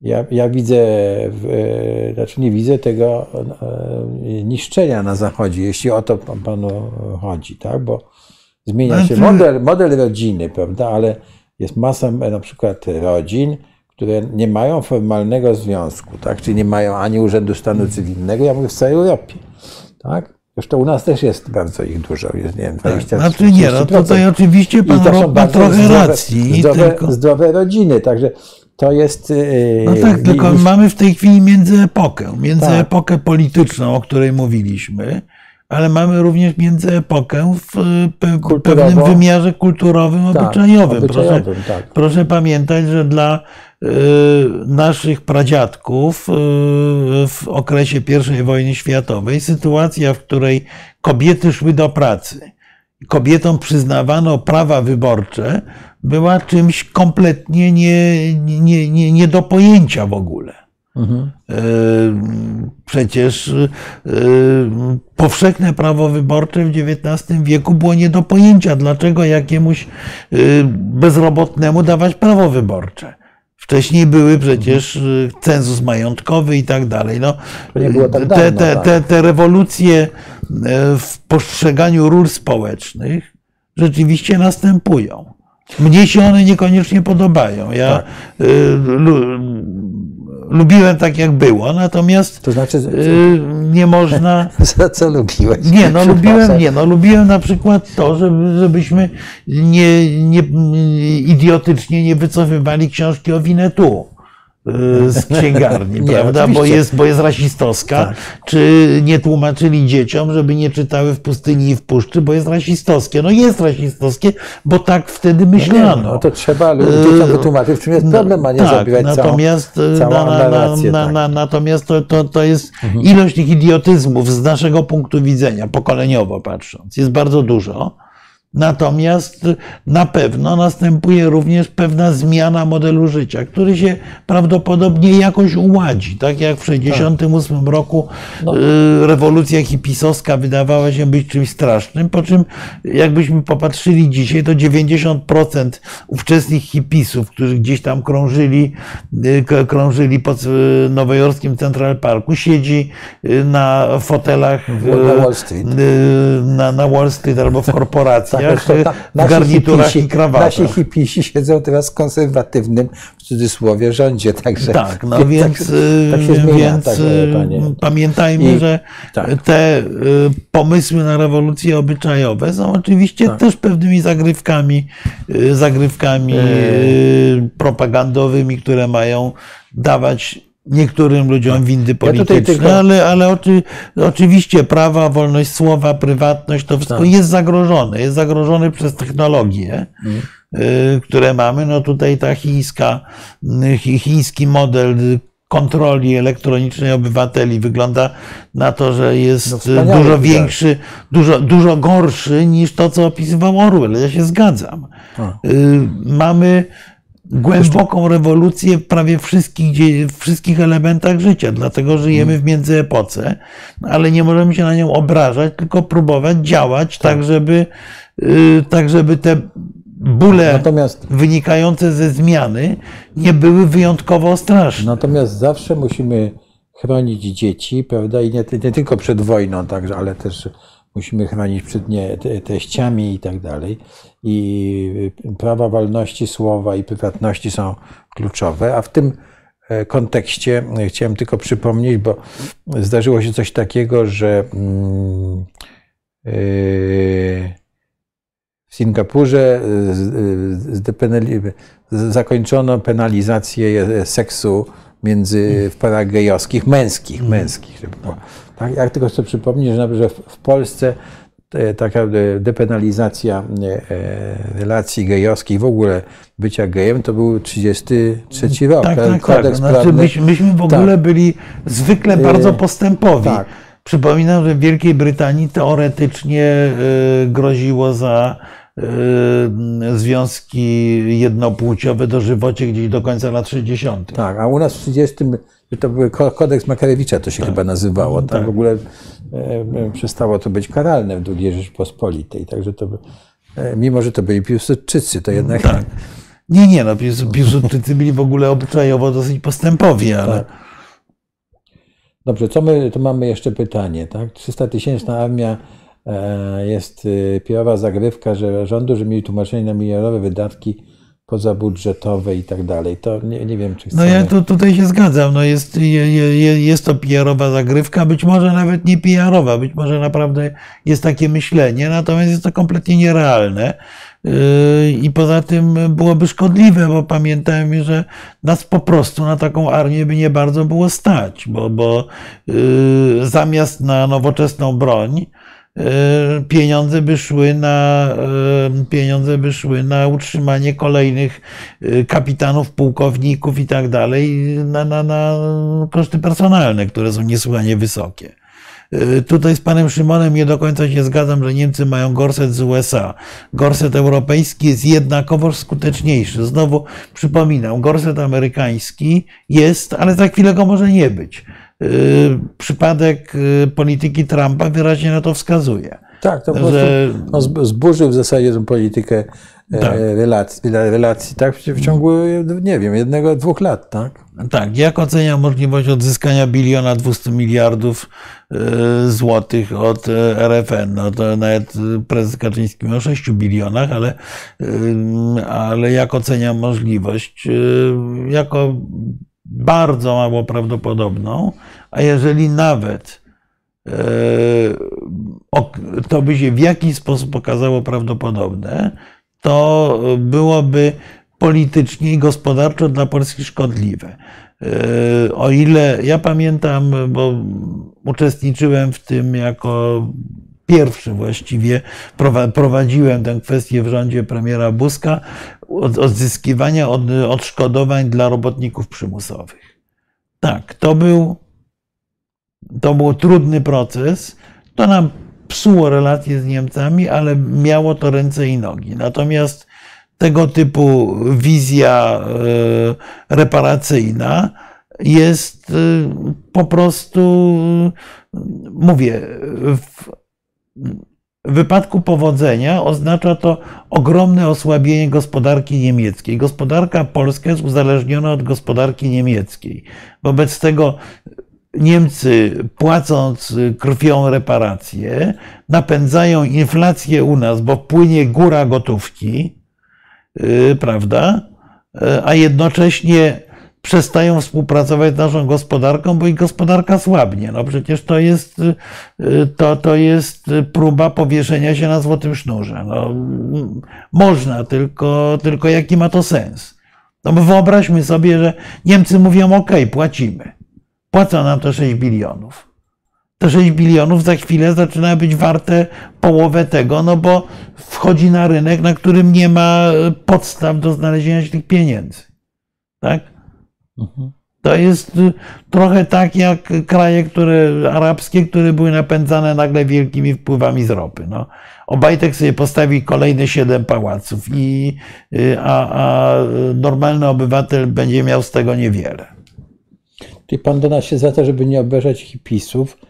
Yy, yy, No, yy, Ale ja broń wiem, Boże nie obrażam. broń Boże, to- sami nie- jesteśmy z pokolenia, które tak, się i temu w zasadzie, żeśmy się ja przyglądali. Trochę się tak zadawałem nawet i to było bardzo fajne. Natomiast W ogóle no, to była moda taka, żeby trochę. Nie, no, by, by, była to pewna rewolucja obyczajowa, tylko właśnie wskazuje na to, że ci, którzy byli hipisami, w tej chwili są przebrani w garnitury, krawaty, funkcjonują znakomicie w istniejącym ładzie społecznym. Więc y, pamiętajmy, że y, radykałowie, którzy w tej chwili upominają się tam o prawa y, przeróżnych mniejszości, najprawdopodobniej w ogromnej większości włączą się w system, a jednocześnie być może te mniejszości poczują się lepiej, lepiej traktowane. Y, Tutaj pan powiada, że ja wspieram Niemcy. Nie. Chyba ja wspieram Niemcy, bo E, nie, e, do, o, czy- że Nie. wspieramy Niemcy nieistotne. Nie, nie wspieramy Niemiec. my chcemy mieć e, Na, silną, naszym rozwiniętą interesem Polskę. jest Polska. Tak. Wspieramy Polskę, natomiast uważamy, że e, nie toczymy wojny z Niemcami, ponieważ Republika Federalna Niemiec jest na papierze i w rzeczywistości sojusznikiem Polski w NATO, sojusznikiem Polski w Unii Europejskiej, głównym partnerem gospodarczym Polski. e, I krajem, i krajem demokratycznym i ciągle jeszcze tam są mechanizmy, które... I krajem, którego interesy na wschodzie wbrew pozorom nie są e, tak rozbieżne z interesami polskimi, jak wiele innych Tak, krajów. I jak mówię, są tam y, y, mechanizmy wmontowane w ten system, żeby nie były tym, czym, czym były. I nie, nie, nie jesteśmy, nie zgadzam się, że jest jakaś piąta kolumna i tak dalej. Po prostu naprawdę chcemy mieć e, silny, szczęśliwy kraj, bogatych ludzi, nie, ale tego się nie załatwi ciągłym jej jojczeniem, prawda, że Mittel Europę i że Niemcy piąta kolumna, prawda, i Niemcy chcą nas dominować. No to my ich też dominujmy. Prawda? Tylko zabierzmy się w końcu za to. Tak, no, Brytyjczycy y, mieli bardzo złe relacje z Irlandią. Mądra po, polityka ekonomiczna Irlandii powodowała, i to mi usłyszałem kiedyś od premiera Irlandii, że y, największym sukcesem jego życia jest to, że w Irlandii pojawili się brytyjscy gastarbeiterzy, jest ich więcej niż irlandzkich y, w Wielkiej Brytanii. Więc doprowadźmy do tego, żebyśmy byli tak skuteczni, tak sprawni ekonomicznie, możemy to zrobić, żeby przyjeżdżali do nas niemieccy gastarbeiterzy. A e, tupanie nogami e, i mówienie, że Niemcy są źli, nie mając argumentów, jest po prostu kompletnie dysfunkcjonalne. My chcemy, żeby Polska była na zachodzie, bo od XVI wieku byliśmy wypchnięci na wschód. Od momentu, kiedy powstała ta mityczna granica na Łabie pomiędzy rozwijającą się Europą Zachodnią, a Europą Wschodnią, gdzie panowała pańszczyzna, od tego momentu jesteśmy w tej gorszej Europie. Cudem udało nam się wbić do tej lepszej części. Ale, ale rozumiesz, ale w tej, w tej Nie wypisujmy się z niej na włas- własnej woli, Tak, i- czy, czy w wyniku mitów. No ale rozumiesz, ale też od tego rozdwojenia na łabie zaczęliśmy tworzyć mity e, nasze własne, rozumiesz, o pochodzeniu, o sarmatach, rozumiesz, o, o, o wojnach, rozumiesz, y, z, y, z Aleksandrem Wielkim, którego żeśmy pokonali i tak dalej, i tak dalej. Tak jakbyśmy do dzisiaj w tych mitach tkwili. Po prostu to jest żałosne i Tor pisze, śmieszne. że Niemcy jakimś jest sojusznikiem pokazuje wojna na Ukrainie. Otóż niech pan, szanowny właścicielu Wielkiego Młota, e, spojrzy na statystyki. Otóż Niemcy są jedynym krajem, który finansowo zapłacił Ukrainie tyle, ile zadeklarował i który rzeczywiście kompletnie zawalił pomoc y, w dziedzinie y, dostarczania broni. Ale Niemcy są na czwartym miejscu, czy na, trze nie, na trzecim miejscu, jeśli chodzi o wielkość finansowych, finansowego wkładu we wsparcie Ukrainy. Wobec tego nie mówmy, że Niemcy y, są jakimś wrogiem Ukrainy. Niemcy rzeczywiście z różnych wewnętrznych, politycznych powodów, y, głupoty, a prawdopodobnie również y, skrajnego niedoinwestowania własnej armii, nie wspierają Ukrainy bronią tak, jakby Ukraina chciała. W Niemczech jest potężna partia prorosyjska od zawsze dodajmy, która rzeczywiście tego wsparcia zawsze, Ukrainy tak? nie chce. Tak, tak od, od XVIII wieku. wieku tak. Y, natomiast rząd niemiecki, państwo niemieckie angażuje się powoli, krok po kroku po stronie Ukrainy. My się popatrzmy na coś innego, proszę Państwa. Warczymy na Niemców, że oni tutaj ruski gaz biorą i tak dalej. Otóż w odróżnieniu od Polski, Niemcy podpisali umowy z Norwegami i będą kupowali gigantyczną ilość gazu z Norwegii.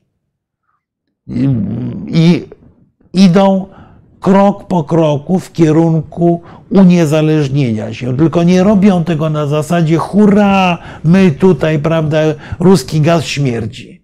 Nie. Oni siedzą cicho, a czasami nawet mówią rzeczy nieprzyjemne dla nas, a jednocześnie pomału odcinają tych Rosjan od naprawdę dużych pieniędzy, bo robią to cały czas. Y, Scholz pojechał do Norwegii i nagle my mamy kłopot, bo zabraknie mocy w gazociągu, żebyśmy my kupowali gaz z Norwegii, bo Niemcy go zakontraktowali. Usłyszę, proszę bardzo, posłuchali Morawieckiego. Bierzcie gaz z innych źródeł niż Rosja, to go biorą. To teraz my mamy kłopot, bo my zajmujemy się krzyczeniem, a oni pracą. Właśnie, więc y, tak to było e, z tymi wsiami na prawie niemieckim, słuchaj, że, że dawały, no dobrze, ale to na inną No nie, nie, no ale słuchaj, to... Ale e, tutaj pan e, pisze, prosi, czy będzie coś o Legii. No mówiliśmy o Legii Cudzoziemskiej, tak. prawda? Że te dwa tam bataliony Legii Cudzoziemskiej francuskiej w Afryce no, było za mało. Znaczy kłopot, ale... kłopot z Europą był taki, że Europa z jednej strony zarabiała na tanim ruskim gazie, z drugiej strony zarabiała na amerykańskim parasolu obronnym, nie inwestując we własną obronę i nie inwestując w politykę zagraniczną. Powiedzmy sobie szczerze. Tak, ale dosyć. powiedzmy sobie szczerze, no Europa zachowywała się trochę tak jak rząd PiSu, yy, który głośno krzyczy, a jednocześnie niewiele robi, bo Amerykanie nam powtarzali, to sam to słyszałem w różnych rozmowach politycznych, weźcie odpowiedzialność za sytuację na Bliskim Wschodzie. Mhm. I odpowiadało im z Europy milczenie. To mhm. nie było tak, że Amerykanie nam nie pozwalali, bili nas po łapach. Nie. Europa nie chciała. Europa nie chciała zainwestować w różne rodzaje uzbrojenia. Wobec tego, jak Francuzi mieli problem w Czadzie, to musieli ich wodzić Amerykanie swoimi samolotami, bo Francuzi nie mieli lotnictwa transportowego. Mhm. Jak, się, jak, jak Francja przystąpiła do przeglądu swoich zasobów amunicji, to się okazało, że ma jej na tydzień. Y, Niemcy podobnie. Więc po prostu zaniedbano kwestię bezpieczeństwa dramatycznie zaniedbano dramatycznie prowadzenie polityki zagranicznej, działając na zasadzie pewnych przyzwyczajenia. Pamiętajcie Państwo, że cała Afryka Zachodnia posługuje się walutą, której gwarantem jest Bank Narodowy Francuski. Nikt o tym w Polsce nie pamięta. Wszyscy w Afryce Zachodniej posługują się tym frankiem zachodnioafrykańskim. Mhm który Francu Francuzi trzymają całą politykę walutową w tamtym obszarze i nagle im mówią, żeby sobie poszli, bo, bo, nie, bo, bo nie będą w stanie nad tym wszystkim zapanować. Mhm. Oni nie mają narzędzi tych twardych, politycznych, które by im pozwoliły utrzymać panowanie na tym, czy kontrolę tego obszaru, a nie panowanie. Czy pan prosi o komentarz do wielkiej powodzi w Pakistanie? No, no, wielkie powodzie to jest e, zjawisko naturalne. Zjawisko natomiast, naturalne, natomiast państwo no, w, w, tej sytuacji ma sobie nie, nie znaczy radzi. Nie, no, wielka powódź, która kiedyś nastąpiła w Pakistanie Wschodnim, doprowadziła do powstania Bangladeszu. Tak. Natomiast w wypadku Pakistanu ja bym powiedział, że tu mamy jeden kłopot. Pakistan jest głównym sojusznikiem Chin. Pakistan jest państwem atomowym i Pakistan jest w tej chwili w potwornie głębokim kryzysie gospodarczym, co pokazuje jedną rzecz. Ale to nie tylko Pakistanu dotyczy, dotyczy Sri Lanki, to dotyczy Czarnogóry, dotyczy tych krajów, które się związały z Chinami, że współpraca ekonomiczna z y, Chińską Republiką Ludową grozi wpadnięciem w kryzys zadłużenia. To jest trochę tak jak y, pożyczanie pieniędzy od lichwiarzy. Y, nie porównuję Chin do lichwiarzy, ale Chiny dość twardo próbują egzekwować pewne zobowiązania, najpierw dając bardzo szybko, łatwo pieniądze i kredyty. Oczekują wypłaty w postaci uzależnienia politycznego. Wyraźnie w Pakistanie widać, że trwa głęboki konflikt wewnętrzny pomiędzy opcją amerykańską i chińską. Jak to będzie wyglądało, zobaczymy, nie wiem. Powódź jest tutaj tylko dodatkowym katalizatorem, tak jak była wielka powódź w Polsce w 1997 roku w jakimś sensie. E, tutaj pan e, pisze, że podobno w BND do dzisiaj istnieje kierunek Polska. No, ja hmm. uważam, że u nas kierunek Niemcy też, też powinien istnieć. No ktoś no, musi, ale proszę Państwa, no ktoś musi czytać, co się dzieje. I to nie, nikt się nie powinien o to obrażać. No, no, ktoś powinien czytać, co się w sąsiednim no tak, kraju no, dzieje, jakie są Pamiętajmy trendy. o imigracji tak, no bo, z Polski tak, tak dalej. Być, prawdopodobnie istnieje i mam nadzieję, że w naszych służbach istnieje kierunek niemiecki. Mhm. Bo, bo, bo też choćby uzależnienie ekonomiczne rzeczywiście od Niemiec y, powinno powodować, że y, nie tylko analizujemy, ale i pozyskujemy wiedzę na temat sytuacji, żeby nas nie zaskoczyła. No tak, ale to informacje powinien zdobywać nie tylko polski wywiad o Niemczech, a niemiecki o Polsce, tak, ale powinni, firmy powinny zdobywać i tak dalej. No, no niestety nie ma w tym nic dziwnego, tak, i, i to jest normalna sprawa. Nikt się nie, na pewno na to, o, o, to nie powinien e, obrażać. A nawet e, no, ja się spotkałem z taką sytuacją w życiu swoim, prawda, że mieliśmy tak dobre informacje o tym, co się w, jakimś kraju dzieje, że oni sami byli E, tym zdumieni, że my wiemy e, wcześniej niż, niż ich elity o tym. I tak powinny działać wywiad i dyplomacja i tak dalej. Także e, Tutaj pan prosi o anegdoty i więcej informacji z zakulisowych. No trochę tych, anegdot, trochę tych anegdot się pojawia w, w trakcie rozmowy. No, tak. to, to, to, to, trochę jest uzależnione od, trochę jest uzależnione od, od tematyki, którą, którą się, w której się poruszamy. E, tak, PGNiG rzeczywiście wziął, e, wziął kredyt z Chin, nie tylko PGNiG. E, co więcej, nasz bank centralny miał w pewnym momencie pomysł, że będzie brał kredyt, kredyty z Chin, tylko zdaje się, że zdaje się, że Amerykanie nie mają entuzjazmu. Z tym wygaszeniem, wygaszeniem elektrowni atomowych, no zdaje się Niemcy bardzo mocno się nad tym zastanawiają, a swoją drogą ja myślę, że e, ta afera wokół elektrowni, e, elektrowni atomowej na Zaporowskiej w mhm. Ukrainie, rozkręcana świadomie przez Rosjan, to jest właśnie próba takiego psychologicznego oddziaływania na Niemcy i na Francję, żeby, y, żeby wygaszać energię atomową, uzależniając się w efekcie od rosyjskich dostaw gazu. Czyli y, rozumiem, że chcą podnieść taką niepewność. Tak, no tak jak, było, tak jak była histeria po wypadku w Fukushimie, tak jak tak. była histeria po Czarnobylu. Y, obawa przed elektrowniami atomowymi jest rzeczywiście, a na dodatek to, co dzieje się w Ukrainie, wskazuje, że elektrownie, że elektrownie atomowe e, mogą być elementem pewnego terroru wojennego, czy zagrożenia mhm. wojennego, co dodatkowo prawdopodobnie będzie skłaniało przeciwników energetyki atomowej do naciskania, żeby z niej rezygnować. Tak, i o to chodzi. Tak. A, a to z mhm. kolei Rosjanom o to chodzi. No więc, więc wydaje mi się, że, że e, że to jest, to jest problem.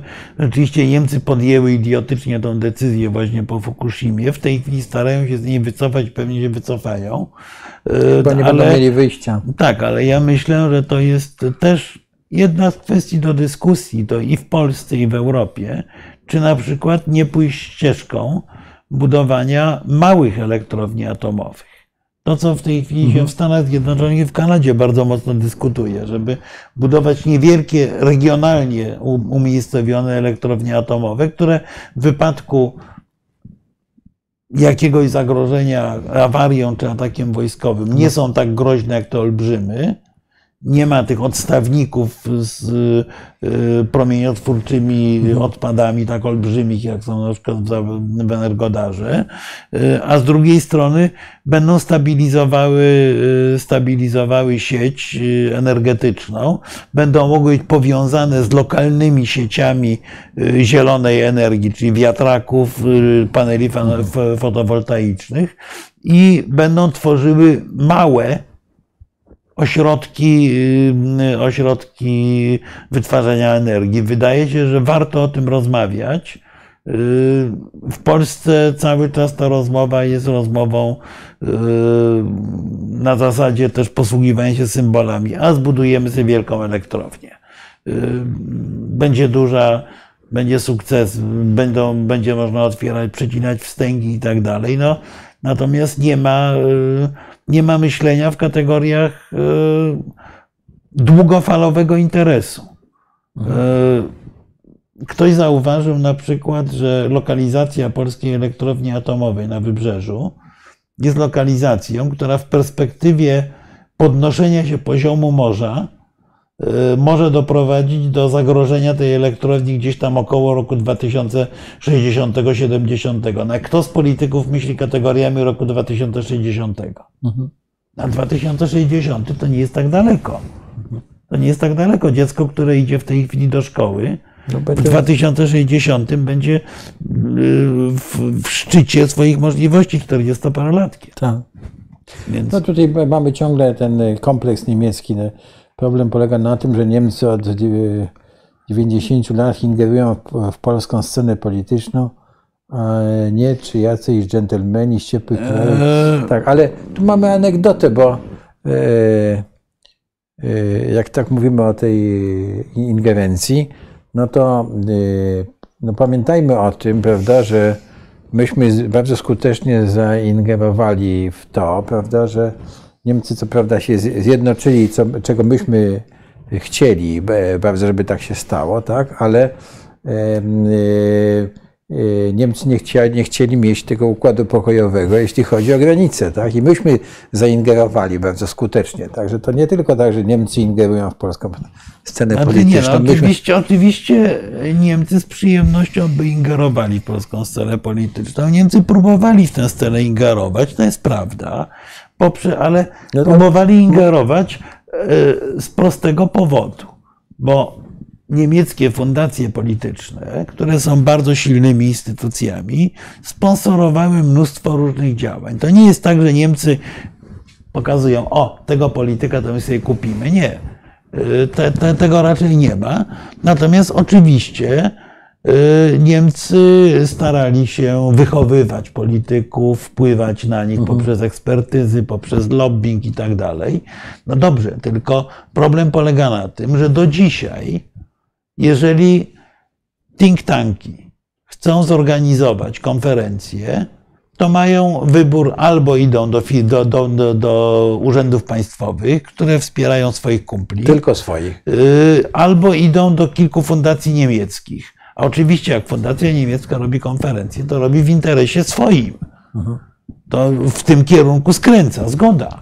Ale Co, co nie znaczy, przepraszam bardzo, no myśmy, myśmy jako Polska powinni też starać się ingerować w Mi- niemiecką mi- scenę polityczną. Ja pamiętam. ja, ja pamiętam, Marku, jak o tym mówisz, prawda? Stowarzyszenie Euroatlantyckie, którego jesteśmy członkami, założycielami obaj, Mhm. tak? I e, było takie stowarzyszenie ATA, Atlantic Association, gdzie, Mhm. Tak. Jest cały czas. gdzie, gdzie wszyscy, wszystkie te organizacje, które działają na rzecz e, stowarzyszenia, znaczy e, NATO, czy Znaczy współpracy tak? E, euroatlantyckiej właśnie. I, I tak. Rumunii za to, za to swoje stowarzyszenie płacili składkę, tak? Czesi płacili składkę, Słowacy płacili składkę, A po- a, a polski myśmy rząd nie skrupulatnie odmawiał nam Tak. płacenia składki. Myśmy tak, musieli, jakichkolwiek myśmy musieli czułać te, tak. te kilka tysięcy e, euro, żeby zapłacić składkę, żeby tak. tam być, żeby e, prezentować, e, mówić o Polsce i reprezentować polskie interesy. To był koszmar. Tak, ale to ca, cały, czas, cały czas tego typu, tego typu I w dalszym ciągu są, to, tak. to jest, tak? Tak, tak, Jakby tak, tak. My mamy, ile, jak policzymy think tanki polskie, tak, no to No ale, mamy... no ale polskie think tanki przychodzą y, po prośbie właśnie do fundacji niemieckich, czasami amerykańskich. Nagle się okazuje, że finansuje Tak. ktoś z zagranicy, ponieważ po, polski biznes z jednej strony y, jest uzależniony od państwa. Wobec tego ja pamiętam, y, nie w wykonaniu PiSu, a w wykonaniu y, lewicy wtedy przy władzy, jak y, właśnie jeden z think tanków współpracował z biznesmenem, no więc biznesmen usłyszał od ówczesnego ministra, no jak wy tutaj hodujecie spady polityczne, to my z wami nie będziemy współpracować. tak. No, y, to jest, to jest kwestia elementarnej odpowiedzialności za państwo. Volkswagen jest związany z y, socjaldemokratami. Czy Volkswagen był prześladowany w okresie rządów Hadecji? Jakoś nie, dziwnie nie pamiętam. A to jest jeden z dziesiątków przykładów. No po prostu w cywilizowanym państwie myślicie najpierw o interesie państwa, a potem o interesie partii. Natomiast u nas bywa z tym bardzo różnie. Jak mówię, nie jest to wyłącznie przywara PiSu, aczkolwiek w wypadku PiSu jest ona w wersji, No niestety, e, w no. wersji patologicznej. Wręcz. Czego- Natomiast czego co do żałujemy. wpływania na Niemców, proszę bardzo. E, Jak po, pojawił się projekt Nord Stream 1, to myśmy Angela Merkel wcale nie była jego entuzjastką, bo to był projekt Schrödera właśnie, czyli partyjnie fajnie byłoby go wywrócić. Ale Angela Merkel nie będzie wywracała tego projektu w Niemczech. Wobec tego myśmy od Niemców usłyszeli, słuchajcie, zamówcie dobre ekspertyzy, które pokażą, co było prawdą, że ten gaz z Nord Streamu będzie droższy niż gaz z rurociągu jamalskiego. I te, te analizy przyjdziecie do nas, rozpowszechnimy te analizy w mediach i na podstawie nacisku opinii publicznej zrezygnujemy z tego. Mieliśmy możliwość wpływania na opinię? Mieliśmy. Jak często, proszę Państwa, polscy politycy, polscy eksperci występują w Niemczech w imieniu naszych racji? Dlaczego tego nie robimy? Możemy to robić. To nie jest przesadnie kosztowne. W tej chwili wydanie książki, portal internetowy, wypowiedź jest, jest możliwa w każdej chwili, tylko trzeba po prostu usiąść przede wszystkim i solidnie pracować cały czas. Mamy dosłownie kilku, kilkunastu polityków, którzy potrafią się wypowiadać w skali międzynarodowej. Prawda? Kilkunastu aż? No, mo, może przesadzę. Polityków i ekspertów to kilkunastu, którzy potrafią sobie zbudować autorytet międzynarodowy. Dlaczego mamy polskich lekarzy, polskich fizyków, słuchanych na naj, największych gremiach światowych, a jakoś ludzie ze świata polskiej polityki niekoniecznie są słuchani. Słuchaj, tutaj pan zwraca uwagę, że bardzo krytykujemy partię rządzącą, czyli Prawo i Sprawiedliwość, czy, a, a nic nie mówimy o e, policji Platformy. Znaczy, No trudno ja, nam mówić o znaczy policji ja, Platformy, ja, bo- panie, panie Piotrze, ja powiem tak. Nic, nic tam nie E, ma. W kwestii, o której my mówimy, czyli w kwestii wzmacniania Europy, akurat Platformy krytykować nie będę. Zwróćcie Państwo uwagę. Ja wtedy pracowałem w polskiej dyplomacji. Otóż ja byłem naprawdę dumny, słysząc nieustannie od naszych partnerów, że Polska jest przykładem do naśladowania. To, co udało się duetowi Tusk-Sikorski i co było nieprawdopodobnym sukcesem, to było doprowadzenie, proszę Państwa, do sytuacji, w której nie politycy, nie ci, którzy chcieli coś ugrać, tylko ludzie, którzy pisali w gazetach, pisali o tym, że, Pols że nie ma już podziału na Europę wschodnią i zachodnią, jest podział na leniwe południe i pracowitą północ. I Polskę umieszczono w tej pracowitej północy. Nam się udało cudem jakimś wtedy zatrzeć tę granicę wschodu. Przecież rozszerzenie Unii Europejskiej na Rumunię, na Bułgarię, na Chorwację było możliwe tylko dlatego, że Polska odniosła sukces i była postrzegana jako ten stabilny, pewny partner.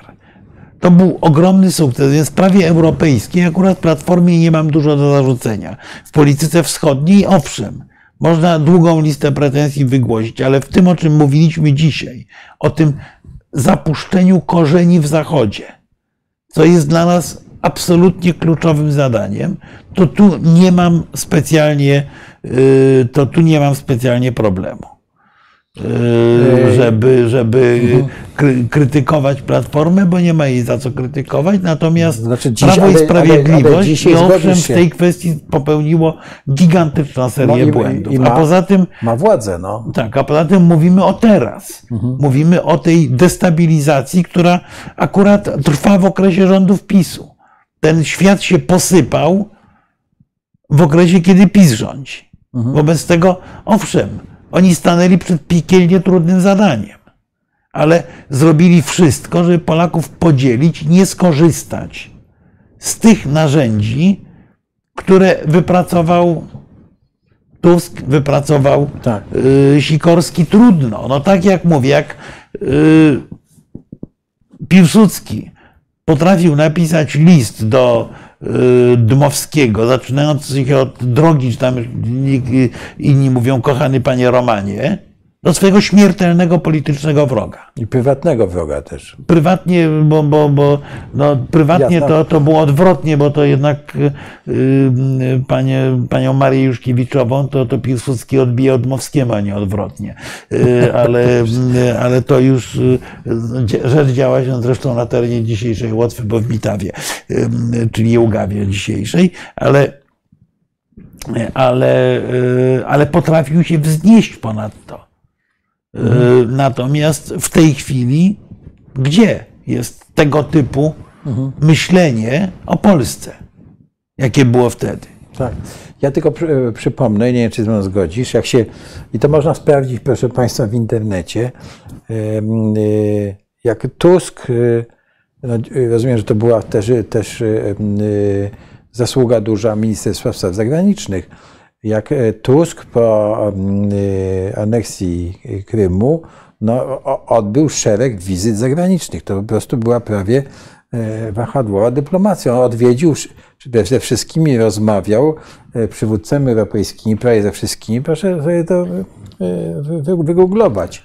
Tak? Tak, I, tym mówię. I e, po prostu przedstawiał nasze stanowisko. Efektem tego były sankcje, na, które wtedy wprowadzono, które e, Polska wtedy też e, były retorsje na polskie mięso i polskie jabłka, co się PSL strasznie buntował za to i e, wtedy tu zdał się poznać wielu przywódcom europejskim, także nie pani Merkel go stworzyła i BND niemieckie, jak to mówią niektórzy, tak, tylko po prostu on objechał, rozmawiał z każdym i oni powiedzieli i na, i na, na, na, na, podstawie tego, że Polska była uznana za ten kraj, e, o którym mówiłeś, tak? E, który jest, e, Jest- mądrze rządzony. jest normalnym krajem mądralnym, nie, jest- jest normalnym krajem europejskim. zaproponowali mu to stanowisko w Unii Europejskiej wtedy, tak? Na, e, na podstawie tych e, jego podróży i rozmów, tak? Więc, więc e, e, a, a dzisiaj, no to dzisiaj Platforma e, no, nie, nie, nie ma polityki zagranicznej i to możemy sobie chyba jasno e, powiedzieć, prawda? Nie, nie, nie, e, tutaj nikogo, nikogo nie, nie bronimy.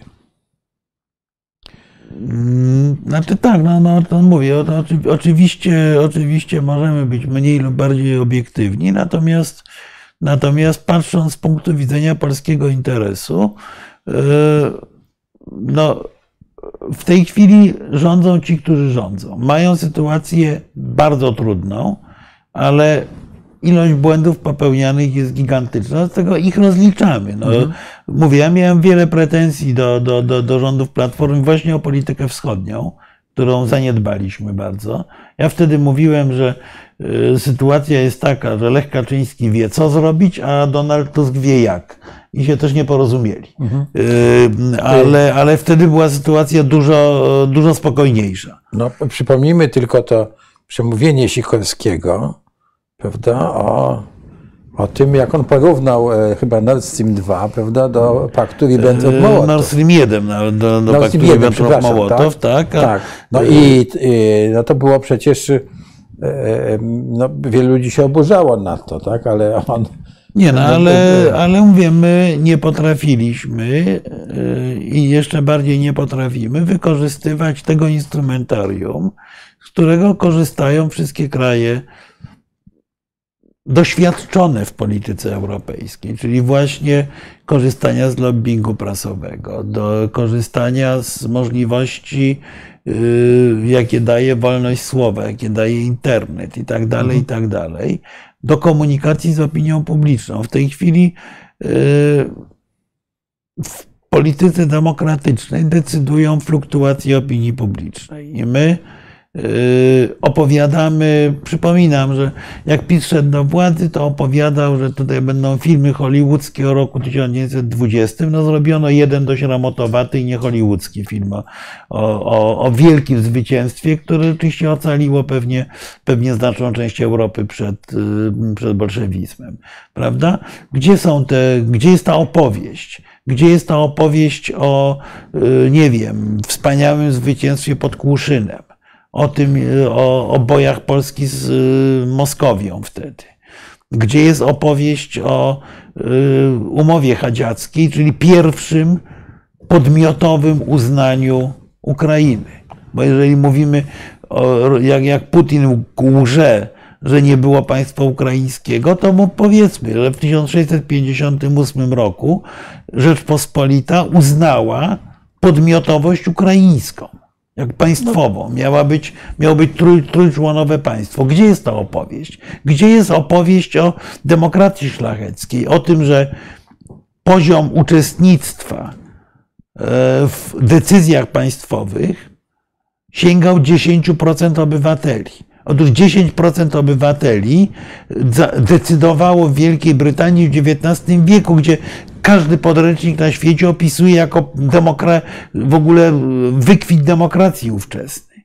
Gdzie mamy tę opowieść? Mamy opowieść o gościu, który siedzi w lesie i strzela do każdego, kogo zobaczył, bo jest żołnierzem wyklętym. Tak, ale Gdzie, ja, ja, ja by, tak, ale ja bym chciał jeszcze do tego dodać, gdzie mamy opowieść o, Włodko, o Pawle Włodkowicu, prawda, o jego wspaniałych wystąpieniach e, w sporach z zakonem krzyżackim, ale tu nam ktoś zarzuca, że Tutaj, że y, światowy tematyka nieład. Platforma i PiS, zamiast światowego, no mówiliśmy o tym światowym Tak, to dobra, nieładzie przez ponad godzinę. Staramy się w tej Tak. chwili odpowiedzieć Dobrze, na, teraz- na pytania i komentarze Państwa, Tak, bo tak.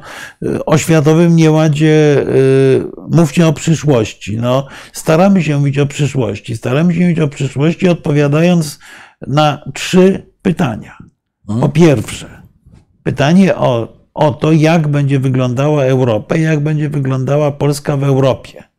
Polska, która jest krajem średniej wielkości, który jest krajem uprawnionym do tego, żeby być jednym z sześciu współdecydentów o polityce europejskiej. Proszę Państwa, jak wygląda normalnie sytuacja przed posiedzeniami Rady Europejskiej? Jak Państwo popatrzą na politykę, to macie najpierw spotkanie albo na szczycie, jeżeli jest coś bardzo ważnego, albo na poziomie ministerialnym francusko-niemieckie.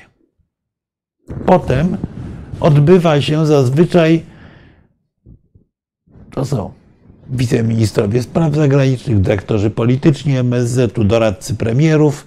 Odbywa się spotkanie w gronie Włochy, Hiszpania, Francja, Niemcy, gdzie też jest rozmowa, no teoretycznie o wspólnie interesujących sprawach, faktycznie o tym, co będzie przedmiotem obrad Rady Europejskiej.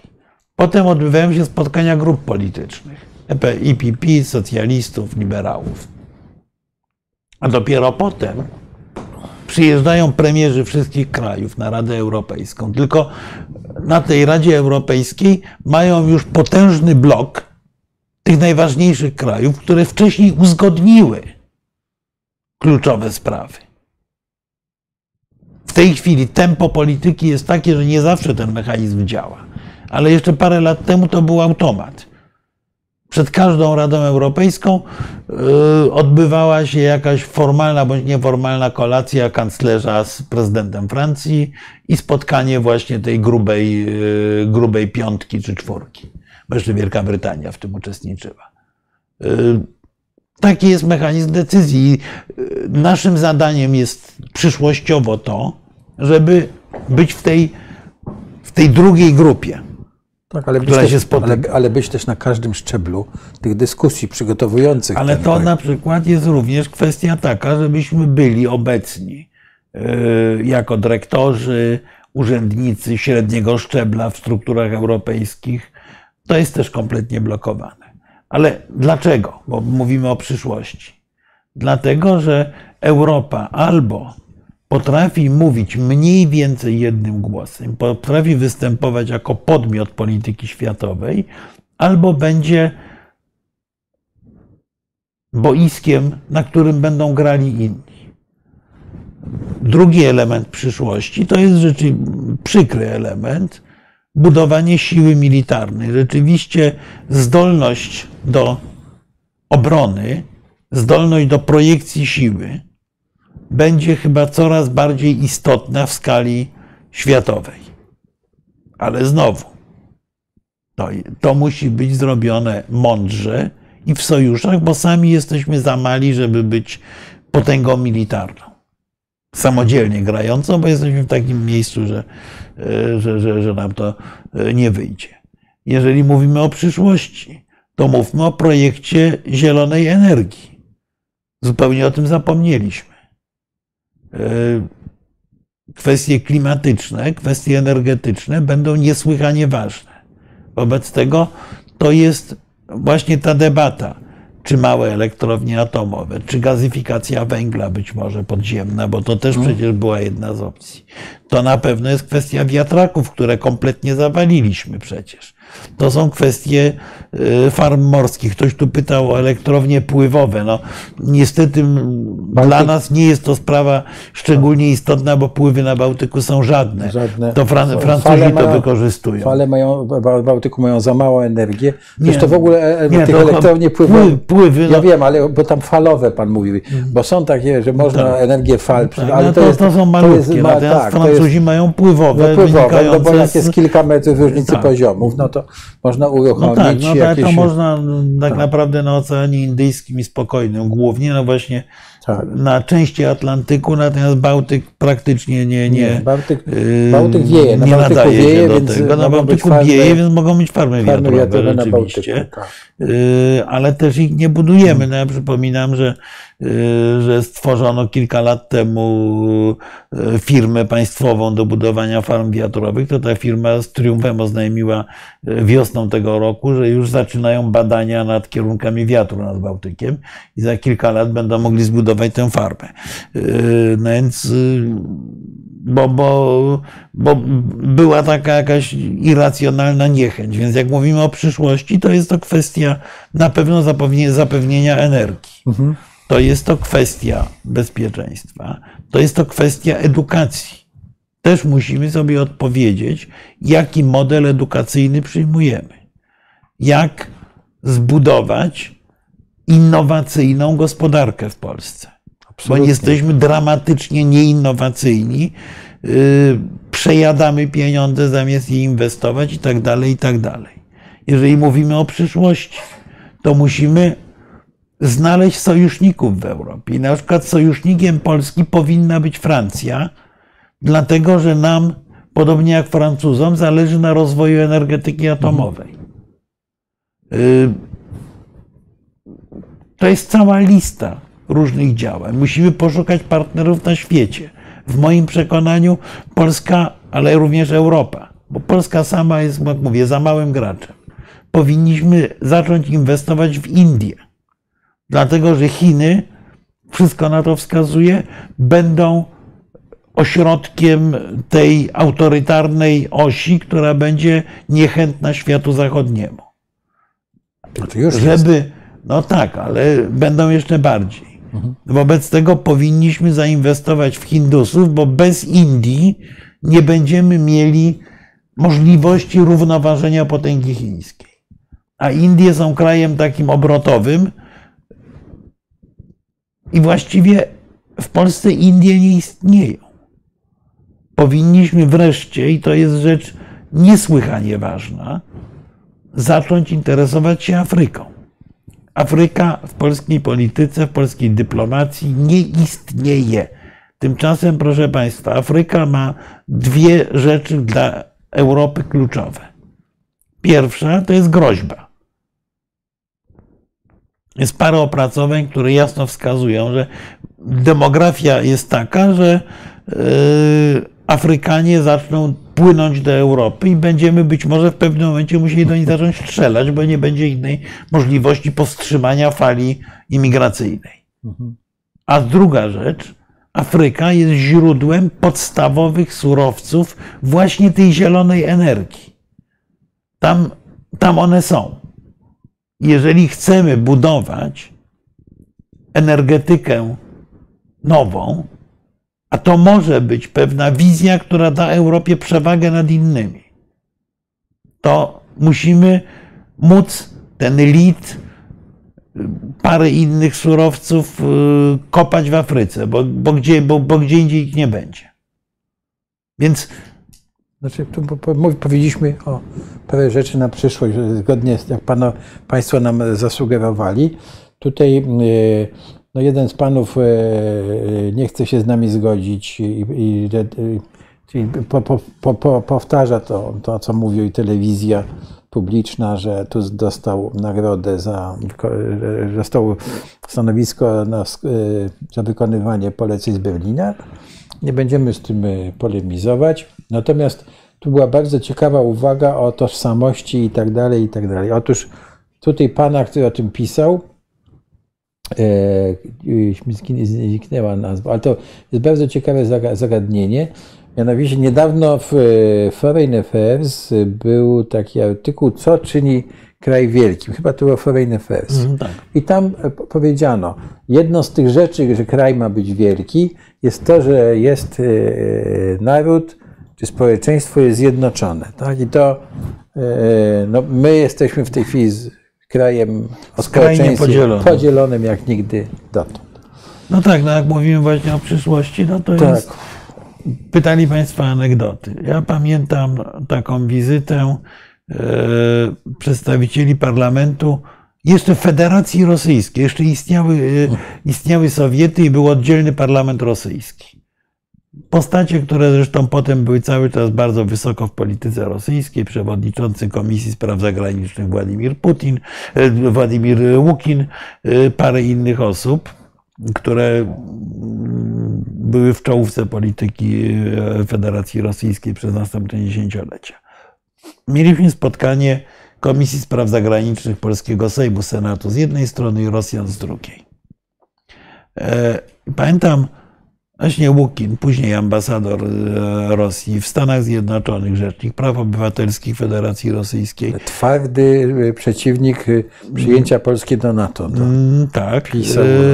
Natomiast wyszliśmy po tym spotkaniu i on mi mówi: Słuchaj, jak ja wam zazdroszczę, jak ja wam zazdroszczę, wy o głównych polskich interesach, bez względu na to, kto to mówi, mówicie jednym głosem. U nas wszyscy są pokłóceni. Więc teraz jest nie z. Rosją, ale z e, wieloma innymi Tak. krajami Tak. y, moglibyśmy y, słyszeć coś zupełnie innego. No dobrze, to w takim razie, proszę Państwa, bardzo, bardzo E, dziękujemy. Tak, tutaj trzeba No. mieć tupet. Do Afryki odeślijcie tych, co się do Polski pchają. Y, mm, Odsyłamy, y, ale, y, ale mówiąc szczerze, no, e, nie mamy żadnej polityki afrykańskiej. To znaczy- Nie jesteśmy obecni w Afryce, Panie Aniu. E, I e, operowanie takimi stereotypami, że e, tych odeślemy, a tych nie i tak dalej, to, to niczego nie załatwi. Musimy Pani- mieć e, jakieś sensowne rozwiązanie systemowe, Pani- bo e, jeżeli znajdziemy się w sytuacji, w której wysyłamy nasze okręty na Morze Śródziemne, a to, to, to, to, to, to, to są realia, e, żeby zatapiały tysiące łodzi płynących z Afryki, bo tam miliony ludzi będą chciały się przenieść, Tak. Pani to Aniu, jest pani Aniu. pytanie, to jest pytanie proste, czy my chcemy, e, czy na pewno chcemy żyć w takich krajach, które te okręty do Zatapiają. zabijania cywilów Tak, wysyłają?